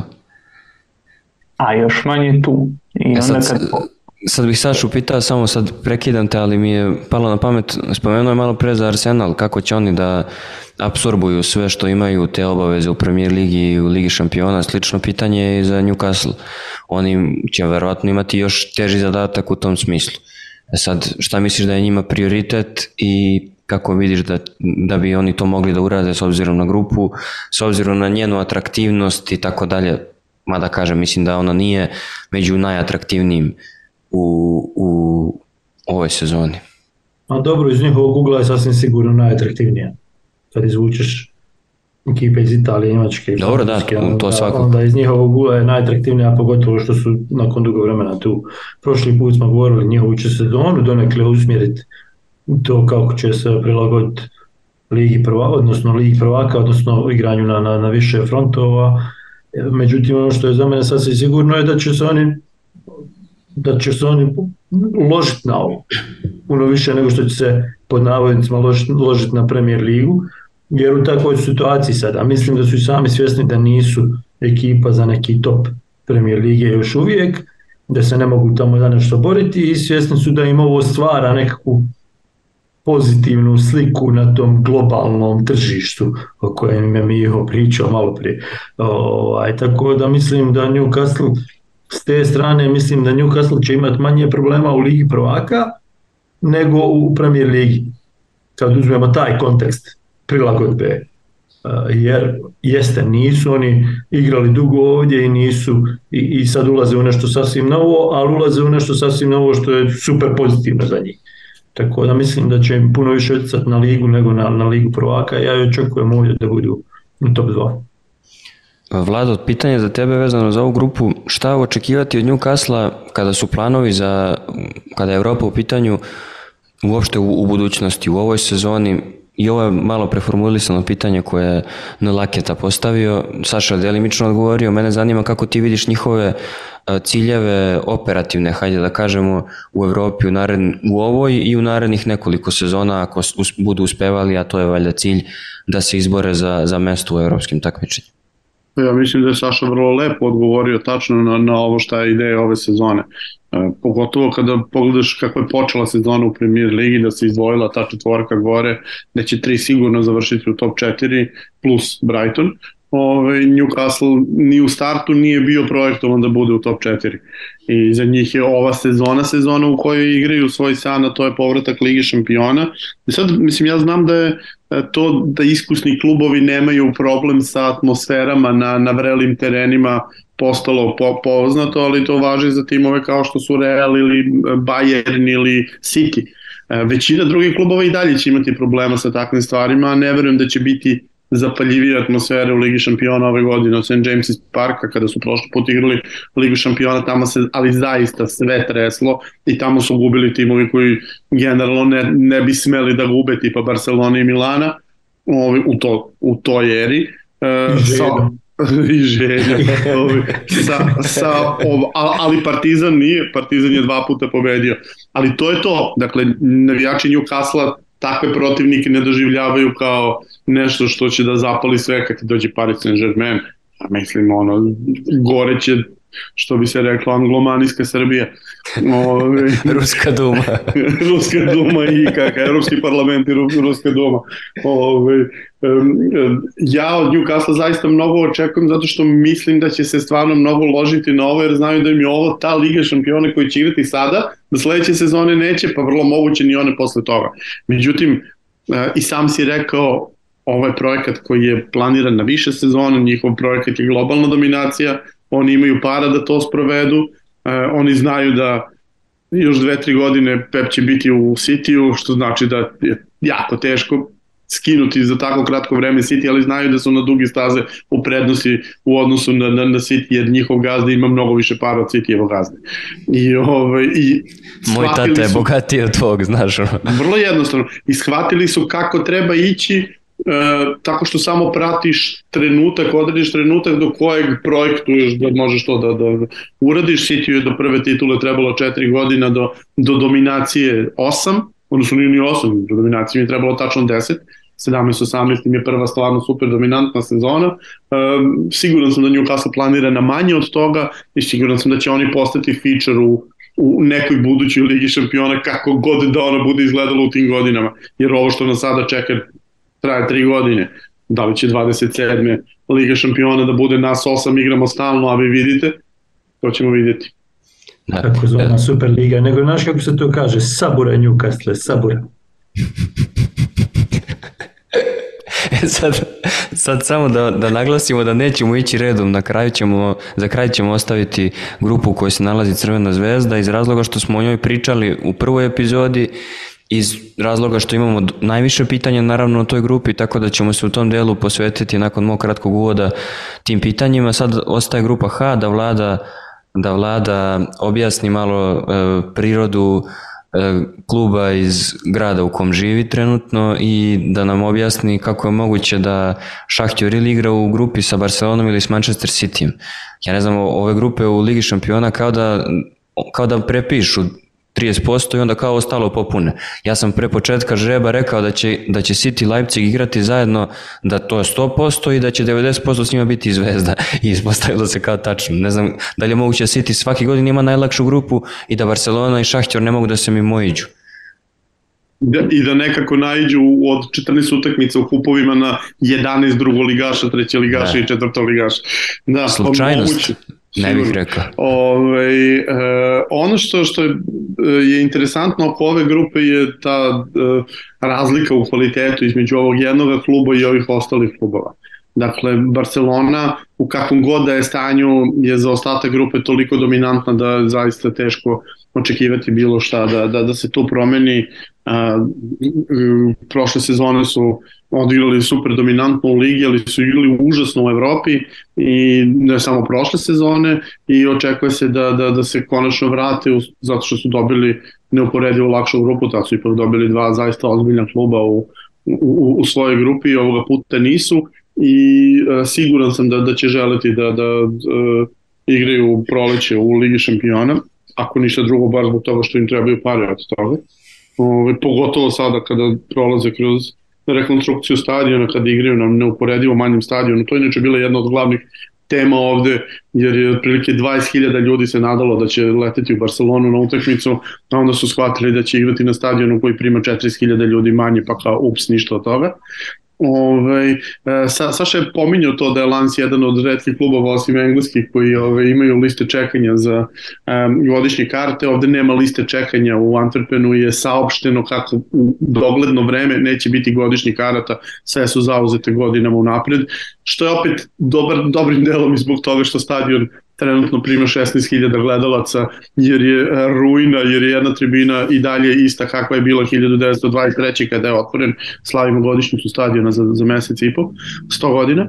Ove, ovaj, za, za Antwerp je ovo potpuno novi osjećaj. E, klub ne samo da nikad nije igrao Ligu šampiona, njihova jedina utakmica koju su igrali kod kuće u istoriji Kupa šampiona do sada, e, dvostruki strelac je bio Alfredo Di Stefano Dakle, to je sve što treba da znate o tome.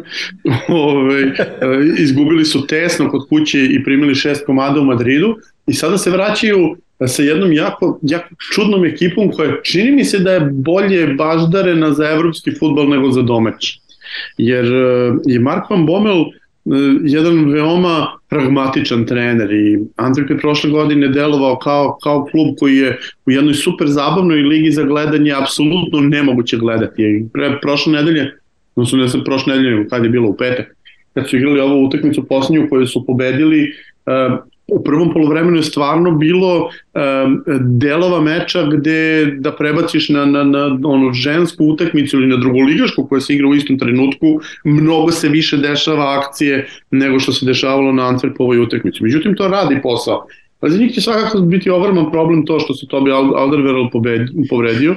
Ovi, oni su doveli fantastično rešenje za, za, za njegovog partnera u ovoj sezoni u malom kolibaliju koji je stigao na pozemicu iz Dortmunda koji je zamenio Vilijama Paća koji je otišao u Eintracht uh, i delovalo je da je, da je tim jako lepo skockan da ove godine se podigne u odnosu na to, međutim to bi je ne samo uh, najbolji igrač bez ikakve dileme tima, nego je i apsolutni lider, to bi je čovjek koji se vratio u svoj rodni grad, ima istetoviranu katedralu u gradskoj tu, njemu baš Antwerpen kao koncept znači, vratio titulu u, u klub u grad posle 57 i onda mu se desi to što se desi da, da, da se teško povredi. A posle zajebava ljude kad tetoviraju ostrog.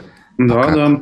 Ove, I onda je uh, drugi problem koji ima uh, Antwerp je uh, u, u tome što im je otišao Calvin Stengs koji sada igra, on je bio na pozimici iz Nice, sada igra za ekipu Feyenoord, da već ste mogli da ga gledate u ovoj sezoni, već je davao golove u Holandiji. Stengs je bio uh, najtalentovaniji igrač kojeg su imali na terenu. Dakle, momak koji zaista apsolutno sve može da izvede, Međutim, momak koji se tako isključi po 4-5 puta tokom utakmice, proda dva pasa na 25 metara, protivnici su više šansi stvarali iz njegovih izgubljenih lopti u svojoj trećini nego, nego iz, iz sobstvenih kreacija tokom prošle sezone i to će biti zanimljivo vidjeti kako će nadomestiti. Kad se gleda igrački kadar, to jednostavno nije ekipa na tom nivou, E, pogotovo sada kada su trampili bekove sa Ajaxom, doveli su Vendela koji igrao super u AZ-u, ali u Ajaxu nije igrao super, a dali su Avilu Argentinca koji je bio uh, ono što je to bi bio za, za njihovu A ekipu, dakle vođe na terenu i taj koji će da ih pokrene, Avila je bio za, za B ekipu, on je bukvalno bio ključni igrač u, u osvajanju kupa kada je Antwerp izbacio Union uh, igrajući sa, sa sedam igrača ispod 19 godina na terenu na kraju utakmice i dobili su na penale tako što im javila bio ono e, bog otac kapiten ono, otprilike Liće Martinez Unitedom. Um, tako da su nekoliko lidera izgubili, imaju zaista solidnu ekipu, imaju dobroga golmana, imaju jako organizovan futbol, ali da, to bude, da će to biti atraktivno neće i nemoj zaboraviti golovi zavise od Vincenta Jansena što znači da ih na ovom evropskom nivou verovatno neće biti baš previše, on je super za, za belgijsku ligu, ali pitanje je koliko može u Evropi. Ono što je na, njihova nada to je što Porto zaista ne deluje kao preozbiljna ekipa u ovom trenutku, Porto je ako ste propustili početak sezone, uh, već počeo da ispušta bodove, a i ovo što je osvajao, dva puta su pobeđivali golovima posle 100. minuta, zapravo od ovih golova što su dali do sada više su dali posle 90. nego pre 90. A igrali su sa Arukama i Žil Vicente ima i ostalim ekipama, dakle ne sa nekim ozbiljnim. I dalje Porto zavisi od Mehdija Taremija, što zvuči dosta uh, upozoravajuće i utisak je da Conceição koji ima bogato iskustvo iz Belgije još uvek nije, odnosno više nije neko ko, kome se ostaje tu, delo je kao da, da se ta faza završila i e, ne deluje mi baš kao dovoljno dobri ni za, ni za napad na portugalsku titulu, ni za nešto mnogo veliko u Evropi. I drugi jako bitan faktor to je Šahtir Donjeck Šahtir je automatski se plasirao ove godine u Ligu šampiona i to je bilo to za njih i zbog ovoga što se desilo u Ukrajini, ali i generalno zbog uh, i pre toga pada kvaliteta ukrajinskih rezultata, jer su tri godine bili u, silaznoj putanji i pre nego što je rat počeo. Um, utisak je da, da, da Ukrajince u nekom narednom periodu više nećemo gledati tako često. Šahtir je 18 godina samo dve lige šampiona propustio, ovo, ovo im je osma u nizu. Međutim, nastavili su da e, ostaju bez super talentovanih igrača, Brazilci koji dovode više nisu druga klasa Brazilaca kao što su dugo to radili, nego sad već pete, jer sad u Brazil apsolutno svako ide i dovodi futbalere. I to je, mislim, e, mislim da je sad Šahter upao u isti problem u koje je upao Dortmund u posljednje dve godine. E, oni su e, e, ceo imidž prethodnih 20 godina izgradili na, na tome što dovedu gomilu e, brazilskih igrača koji će posle moći da se prodaju ili u Evropu ili a, na neko azijsko tržište za ogromne pare i od toga su živeli. Dakle, to, to im je bio koncept, a onda su drugi uleteli u celu tu priču i sada više ne mogu da dovode toliko dobre futbolere. Dortmund ima isto tu situaciju, oni su bili glavno mesto gde talentovani igrač hoće da ide da bi odskočio na najvišu tačku, a evo sada imaš razne Brightone i slične klubove koji mogu sebi to da priušte, ali ti priušte i da igraš u, u, u boljoj ligi od Bundeslige. Ove, i, i čini se da će imati velike probleme sa tim da privuku sledeće Bellingeme i ove, Sanča i, i, i, i Holande na, na tu jednu sezonu, odnosno na te dve sezone koliko ih klub zadržava. I se slažemo svi da da je ovo još jedna grupa kao ovak što je Miho spominjao za Čaka Konorsa i pobi sve i vrati se sam. Znaš, ono, bolje da pustimo neki, neke kaubojce. Žilo, evo, mislim, ja, ja koji ću morati da gledam, jeli, utakmice u ovoj grupi, ne radujem se tome što što ću uh, gledati utakmice u ovoj grupi, jer ništa od ovoga što, što mi grupa nudi me ne zanima, Barcelona će jednostavno biti predominantna da bi to bilo takmičarski, a ove sve ostale ekipe su stvarno ono Da, rekao si ti na početku, bole. tamburalo momču s tamburu, što kaže. Da. E, ostala nam je ova poslednja grupa, odnosno pretposlednja grupa G u kojoj se nalazi Crvena zvezda.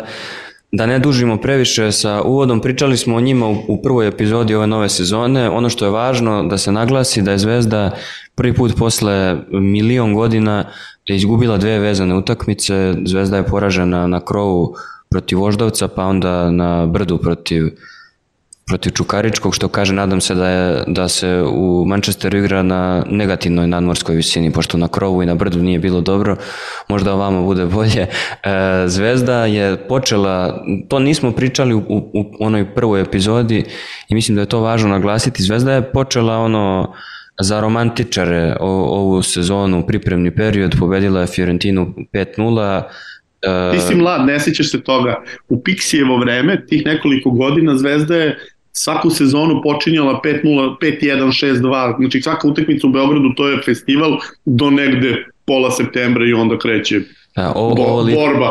Ovo liči na, na, na nešto tako. Uh, Vlada i ja smo razgovarali o Baharu kada da piše tekst o njemu za velike priče još kada kada je Bahar potpisao. I bilo je moje pitanje kako misliš da će Zvezda igrati, šta misliš da, da je Baharova ideja. On je rekao čekaj da vidimo šta će Zvezda da dovede od osoblja da bismo znali šta uopšte Zvezda može da isporuči. I sad mi znamo šta je Zvezda dovela i o tom imamo nekoliko pitanja tome posvećenih, ali ono što je definitivno je da uh, je u posljednje dve utakmice u domaćem šampionatu Zvezda ozbiljno krahirala, da Zvezda u zaostatku od četiri boda za Topolom, Topolom što smo se malo prezezali i da već se ovde zbijaju šale kako, kako je prodata titula Mađarima za neku uslugu i kako... I, kako... I, i da Zvezdu čeka derbi u kojem može da ode na, Tako na teoretskih minus 7 u odnosu na Partizan, pošto Partizan ima utakmicu manje. Jeste, ali, ali je jako objašnjenje, kaže eto, a onda navijači Partizana kažu eto šta pričaju ovi navijači Zvezde, kaže name, imaju svaku titulu nameštenu, a sad pričaju kako je zapravo namešteno TSC-u i kako će oni morati da je otimaju. Tako da u, takvo, u takvom u takvom Ali protiv svih. Tako je, u takvom za, za, zabavno je ko priča o tome. Da, apsolutno. Meni je zabavno zato što u takvom jednom okruženju i ambijentu Zvezda odlazi na ovo gostovanje. E, prvi put odlazi na evropsko gostovanje od kad je počela da igra redovnu Evropu bez sigurnosti u domaćem šampionatu. E, ono što je Zvezda prikazala protiv Čukaričkog do duše bez pet startera, mada je pitanje šta je sad starter u ovom trenutku i da li je bez sedam startera ili osam u odnosu na večerašnji tim, jeste onako jedna jedan ozbiljan manjak kreacije bilo kakve, čak i protiv Čukaričkog. Nisam siguran da će protiv timova koji su znatno kvalitetniji od Brđana oni moći da, da stvore bilo, kako, bilo šta što, što, ih je, što je bila karakteristika zapravo u nekim prethodnim sezonama gde su Ivanić i Kataj pre svih, pre toga Marin i ona, ona grupa igrača koji su bili u veznom redu uspevali su nešto da kreiraju i u evropskim utakmicama. Ovo deluje onako prilično prilično šturo i pričao sam sa jedno od pitanja, već ćemo se na to krenuti, bilo je da prokomentarišemo e, zvezdina pojačanja. Sa Mihovilom sam pričao o jednom od, od pojačanja i volao bih da ponoviš to što si ispričao e, u, u privatnom četu i da prokomentarišeš ovog Hvanga, pošto se ljudi interesuju e, i, i za to kako, kako vidimo njegovu taktičku ulogu i sve ostalo. Što se tiče šerifa, mislim da se on uh, sad u zadnjoj utakmici pokazao. Što kaže, I, više liči na šerifa Konjevića nego na, na, na nekog drugog šerifa. uh, ja, ja sam poštovatelj lika i dijela. Uh, to je jedan radni napadač, jedan igrač koji jako dobro igra obranu, koji je odličan u duelima, koji nije da će kreirati sad nešto za su igrače, nije da će, ono, nije Harry Kane ili ako ćeš u našim uvjetima nije Bruno Petković da će primiti loptu, ograditi je pa poslati neki, ono, neki pas kojim će razderati obranu, on je više radnik. Zabodi u dubinu 300 puta, e, odvuci igrača, bori se, gilji u obrani koliko god treba i on obično zabije onu šansu u kojoj se našao. Do duše i ja bi obično zabio tu Čudno je, stvarno ono Ta, Tako da ono, e, želim reći nije, nije da je sad ima katastrofalnu realizaciju, malo se spetljao, ajde, i mislim da, da će on Zvezdi biti koristan u, u Europama, u utakmicama protiv Leipziga, protiv Young Boysa, u, u utakmicama gdje ti moraš odraditi taj obrambeni dio od prve linije. Mislim da on tu mislim da on tu može biti čak na ovoj razini, na, na razini, ajmo reći, ok, ne, ne sad sa Cityjem, ali protiv Young Boysa mislim da on tu može raditi prevagu u tom obrambenom dijelu. A Hwang? E sad, Hwang, sama činjenica da, da Zvezda može dovesti takvog igrača, da može dati 5-6 milijuna eura za njega da sirotinjo, sirotinjo i bogu si teška, da. E, sama činjenica ti pokazuje koliko je čitav ovaj i o tome smo pričali već u onoj premijernoj epizodi druge sezone, ovaj sistem današnje Lige prvaka, podjele novaca, kad jedan uđeš u Ligu prvaka ti, ti hvataš takav zalet financijski da ga je na, na domaćem tržištu nemoguće uhvatiti, pa ko ti god bio politička opcija koja te gura. 5 milijuna eura dati za igrača implicira to da će čovjek biti najbitniji igrač momčadi, implicira to da se u njemu dobio neko ako će tu momčad nositi. Hoće li to biti tako ili neće, to ćemo vidjeti, ali mislim da, da, da bi on trebao biti veliko pojačanje za zvezdu. Odlično, idemo na, na sljedeće pitanje, pošto ih ima nekoliko još. Uh, jedno od Da, samo, pitanja... samo bih ovaj, Da, da, ovo što je Miho objašnjavao za, za šerifa, znači za navijače zvezde koji sad ovo gledaju, to je otprilike Falcinelli, samo na višem nivou. Dakle, igrač koji će da ore po terenu za ekipu, Ja sam imao jednu- u defanzivnoj fazi jednu- i da otvara ja- drugima prostor. Javnu svađu sam imao jedno zbog Falcinelija, pošto su ljudi koji su ono a, poslanici javne reči, što bi se reklo, a, insistirali da, da je Falcinelli ono bulja igrač. Ja stvarno ne, Da. ne znam. Ja, Da nije najbolji napadač kojeg je Zvezda imala u prethodnih Pa šest super, a godina. da li su odgledali jednu utakmicu u kojoj, u kojoj on dečko igra, on je, on je sve što je Zvezda napravila, bilo je preko njega na ovaj ili onaj način. E sad, e, pit, sljedeće pitanje je, i to možemo da uključimo Sašu Ivrulja pre nego što mu se uključi e, drugi Zoom call. E, šta za, za timove za prvaka Srbije, prvaka Hrvatske znači ovaj novi format? To je, to je važno pitanje. Nije najava ove sezone, ali je e, objašnjenje onoga što, što stvarno čeka nas kada se, kada se ova sezona završi. Šta je to što nas čeka u novom formatu? Kako ti to vidiš? To je u principu dobro pitanje, jer nemamo pojma šta nas čeka u ovom formatu koji dolazi, jer mm, format je takav sam po sebi da nije isproban u, u, na ovom nivou i da nemamo pojma kako će sve to izgledati. A, sad ne znam koeficijenti ko ulazi direktno, koliko sam shvatio, ni Srbija neće imati e, klub direktno, ali za, za, za, za sve nas ostale potpuno nepoznanica kako će to izgledat, šta mi trebamo napraviti da dovedemo klub do grupne faze i ovo što je Miho govorio šta kad jednom neko, u stvari to više nije grupna faza, sad iskoristio Jeste jedna pogrešno. grupa od 36 kluba. Ligaške, ka, ka, kako dovesti klub do ligaške faze. E, I šta će se desiti jednom kad klub uđe u tu ligašku fazu? Jer dvije trećine te ligaške faze idu u, u dalji tok takmičenja, što znači da, da ti se manje više povećava mogućnost da nešto čukneš, jer na, na, drugačijem, na, na, na drugačiji način ćeš igrati utakmice, na drugačiji način ćeš im pristupati, imat ćeš drugačije protivnike, i ne još niskim ponavljati utakmice, dakle lakše ti je biti nekako iznenađenje, lakše ti je biti svašta nešto. I imaš četiri utakmice, polovinu utakmica protiv trećeg i četvrtog šešira, a to inače nemaš. Da, tako da, da ono, bukvalno nemamo pojma na što će to ličiti, kako će to izgledati i, šta tačno može donijeti, a šta oduzeti našem futbalu, pod naš futbal mislim na balkanski futbal. Ali ovo što je Miho malo prije govorio, mi bojim se da ona ekipa koja jednom ugrabi uh, tu novu ligu prvaka, da će imati još veću startnu prednost nego što imaju ove današnje. Znači nije pitanje šta donosi za prvake, nego šta donosi za sve ostale. Jer, Ili šta odnosi svima ostalim. e, jer lako se može dogoditi da je konkretno Dinamo. Dinamo je sad e, treći klub po koeficijentu.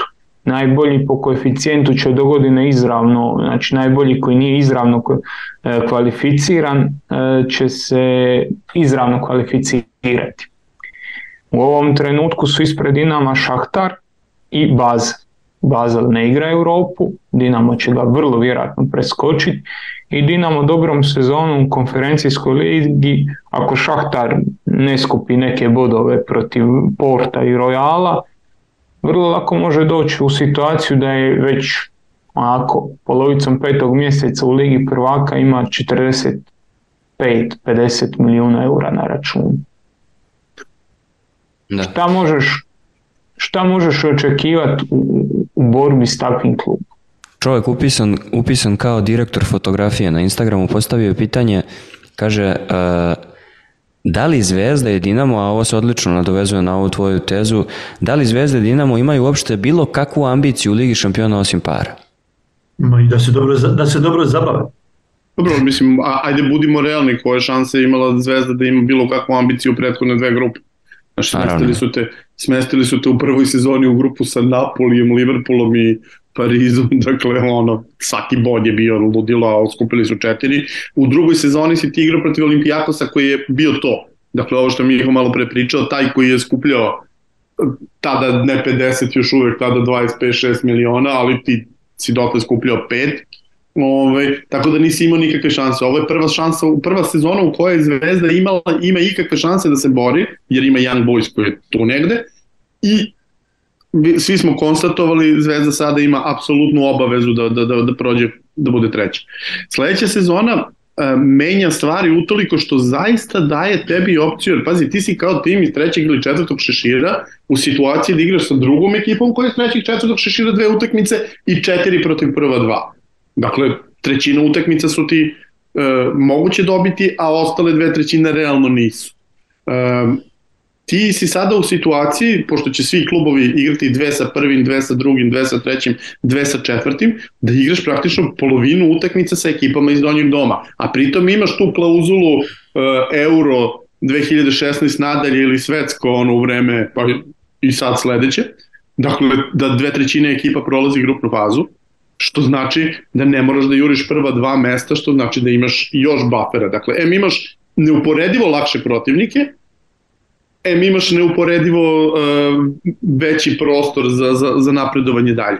Dakle, apsolutno ima razloga da imaš ambicije da, da odeš dalje, pogotovo što će Zvezda, ukoliko bude igrala sledeće godine u Ligi šampiona, vrlo verovatno biti tu tačno negde oko granice 24.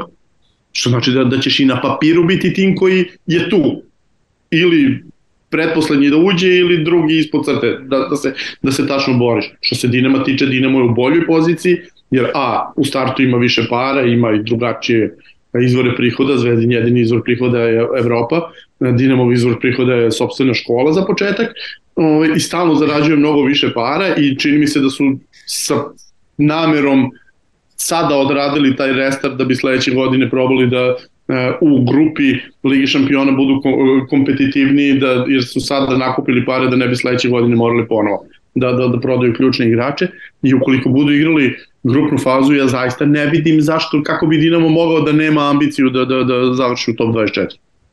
I posle, ovo što, kaži, ovo što je govorio, izvini, ali ovo što je govorio Vlada, e, da igraš utakmice sa drugim, sa trećim, četvrtim šeširom i onaj ko igraš sa prvim šeširom ili drugim šeširom ti mogu doći u situaciji kad su oni već osigurali to neko šesto mjesto i apsolutno im ono, nije naš, nemaju gdje ispasti. I, i, i drugačije nego u ovome sada group stage gdje on ipak iako je osigurao prvo mjesto, ti, ti imaš manji, manji ovaj prostor za napredak jer se boriš za treće mjesto sa nekim Leipzigom. Ma čak je, čak je pitanje... A ovdje ćeš imati situaciju da se ti boriš za 24. mjesto i da igraš protiv nekog sedmog kojem apsolutno nije važno, a sljedeće subote igra protiv Tottenhama i ono, Čak Ili pitanje... iz četvrtog šešira vučeš nekoga ko, ko ima jedan bod iz šest utakmice i nema više nikakve ambicije, a sada je taj tvoj direktni protivnik protiv koji te dobije i može te prestigne za to. I to i, i na sve to imaš to činjenicu da će drugačije biti koncipirani šeširi, da drugi šešir, ta neka 16. 17. 18. ekipa po rangu koji, koji će pripadati drugom šeširu takođe nisu bauk kakav, kakav sada imaš. Sad, sad, sad može da ti se desi da ti dođu e, e, Real i Napoli. U toj varijanti bit će malo teža varijanta da se to, da se to desi. E, tako je, ovaj, mislim, imaš, prvo što imaš dva tima više u prva dva šešira, što će zaista napraviti razliku. Drugo što ćeš imati um, objektivno bodovanje, dakle prvi po broju bodova će biti prvi, pa će deveti biti deveti, a nećeš u prvom šeširu imati Fenorde i ne znam Benfike i takve klubove koji su, koji su slabiji od ovih iz drugog, tako da će zaista postojati razlika u kvalitetu prvi šešir, drugi šešir, a sada se često dešava da je drugi jači od prvog. Ove, ovaj, i, i onda iz te strane ćeš imati u, u iz drugog ekipe s kojima možeš da igraš. Bar polovinu timova ćeš imati ti i sada se, se dešava da upravo dva šešira imaš 4-5 ekipa koji su onako. Recimo Fenor bi da se ove godine igra bio drugi ili treći čak u trećem šeširu. Značajna razlika. Da, da. E sad, poslednje pitanje koje pravi uvod u, dok smo mi, onaj ko je pustio podcast u 7, kad smo ga mi objavili, utakmica se ta već završila, ali nema veze. Pitanje je, i to dosta dobro, ono, strateško... Ko će dobiti utakmicu koja se igra od 7? Stra, tako je. Pitanje je strateško. Šta bi Zvezda... Ne, ne, ne, ko, ko je dobio utakmicu koja se igra od 7? tako je. Sad, ovo je već kontrolni, znaš kao. Ali pitanje je, e, šta Zvezdi zapravo najviše odgovara u, u, u dve utakmice koje igraju Leipzig i Young Boys? Sva trojica. Pobeda Leipziga, pobeda Leipziga. Miho? Da, glatko. Da. Saša, reci nešto drugačije. Za Zvezdu mislim da je savršena grupa zbog toga što će ova dva zaista moći da pobede oba puta Young Boys. A šta misliš ti sad? pobediti sigurno. Šta se tu ima, misliš šta, šta im može odgovara da dobiju Young Boys, je to? Ne, jo, da će je najbolje ovo što, što... Ljudi prave plan da, da, da, da budu dva remija u te dve utakmice, onda Zvezda dobije Leipzig Dobre, ovde, tako je, igra idemo. nerešeno tamo. Tako je, treba, je bio da, I ako može da, da, da danas dobiju večeras, City-a to. E, večeras da dobiju City-a pa da onda bit će lakše protiv Young Boys. Što bi, što bi rekli ovi komentatori na sajtu B92 pre nekih 17-18 godine, ja sam protiv ABA lige, ja sam za Srpsku ligu, ali sa jačim klubovima. ako može Tibona, ako može Splita. Izmislit ćemo ih. Ko ona mala za prvi dan škole. Izmislila sam je.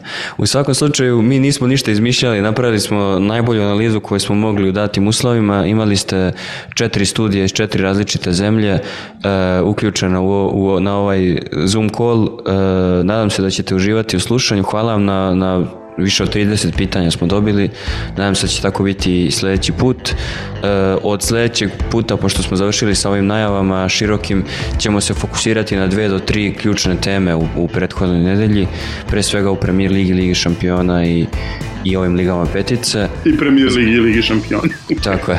U pre svega u Premier Ligi i Premier ligi, a što se tiče regionalnog futbala, moja topla preporuka za Offside i tribinu.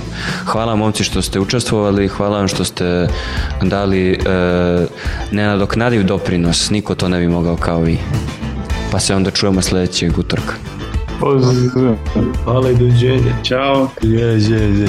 Ajde, čas.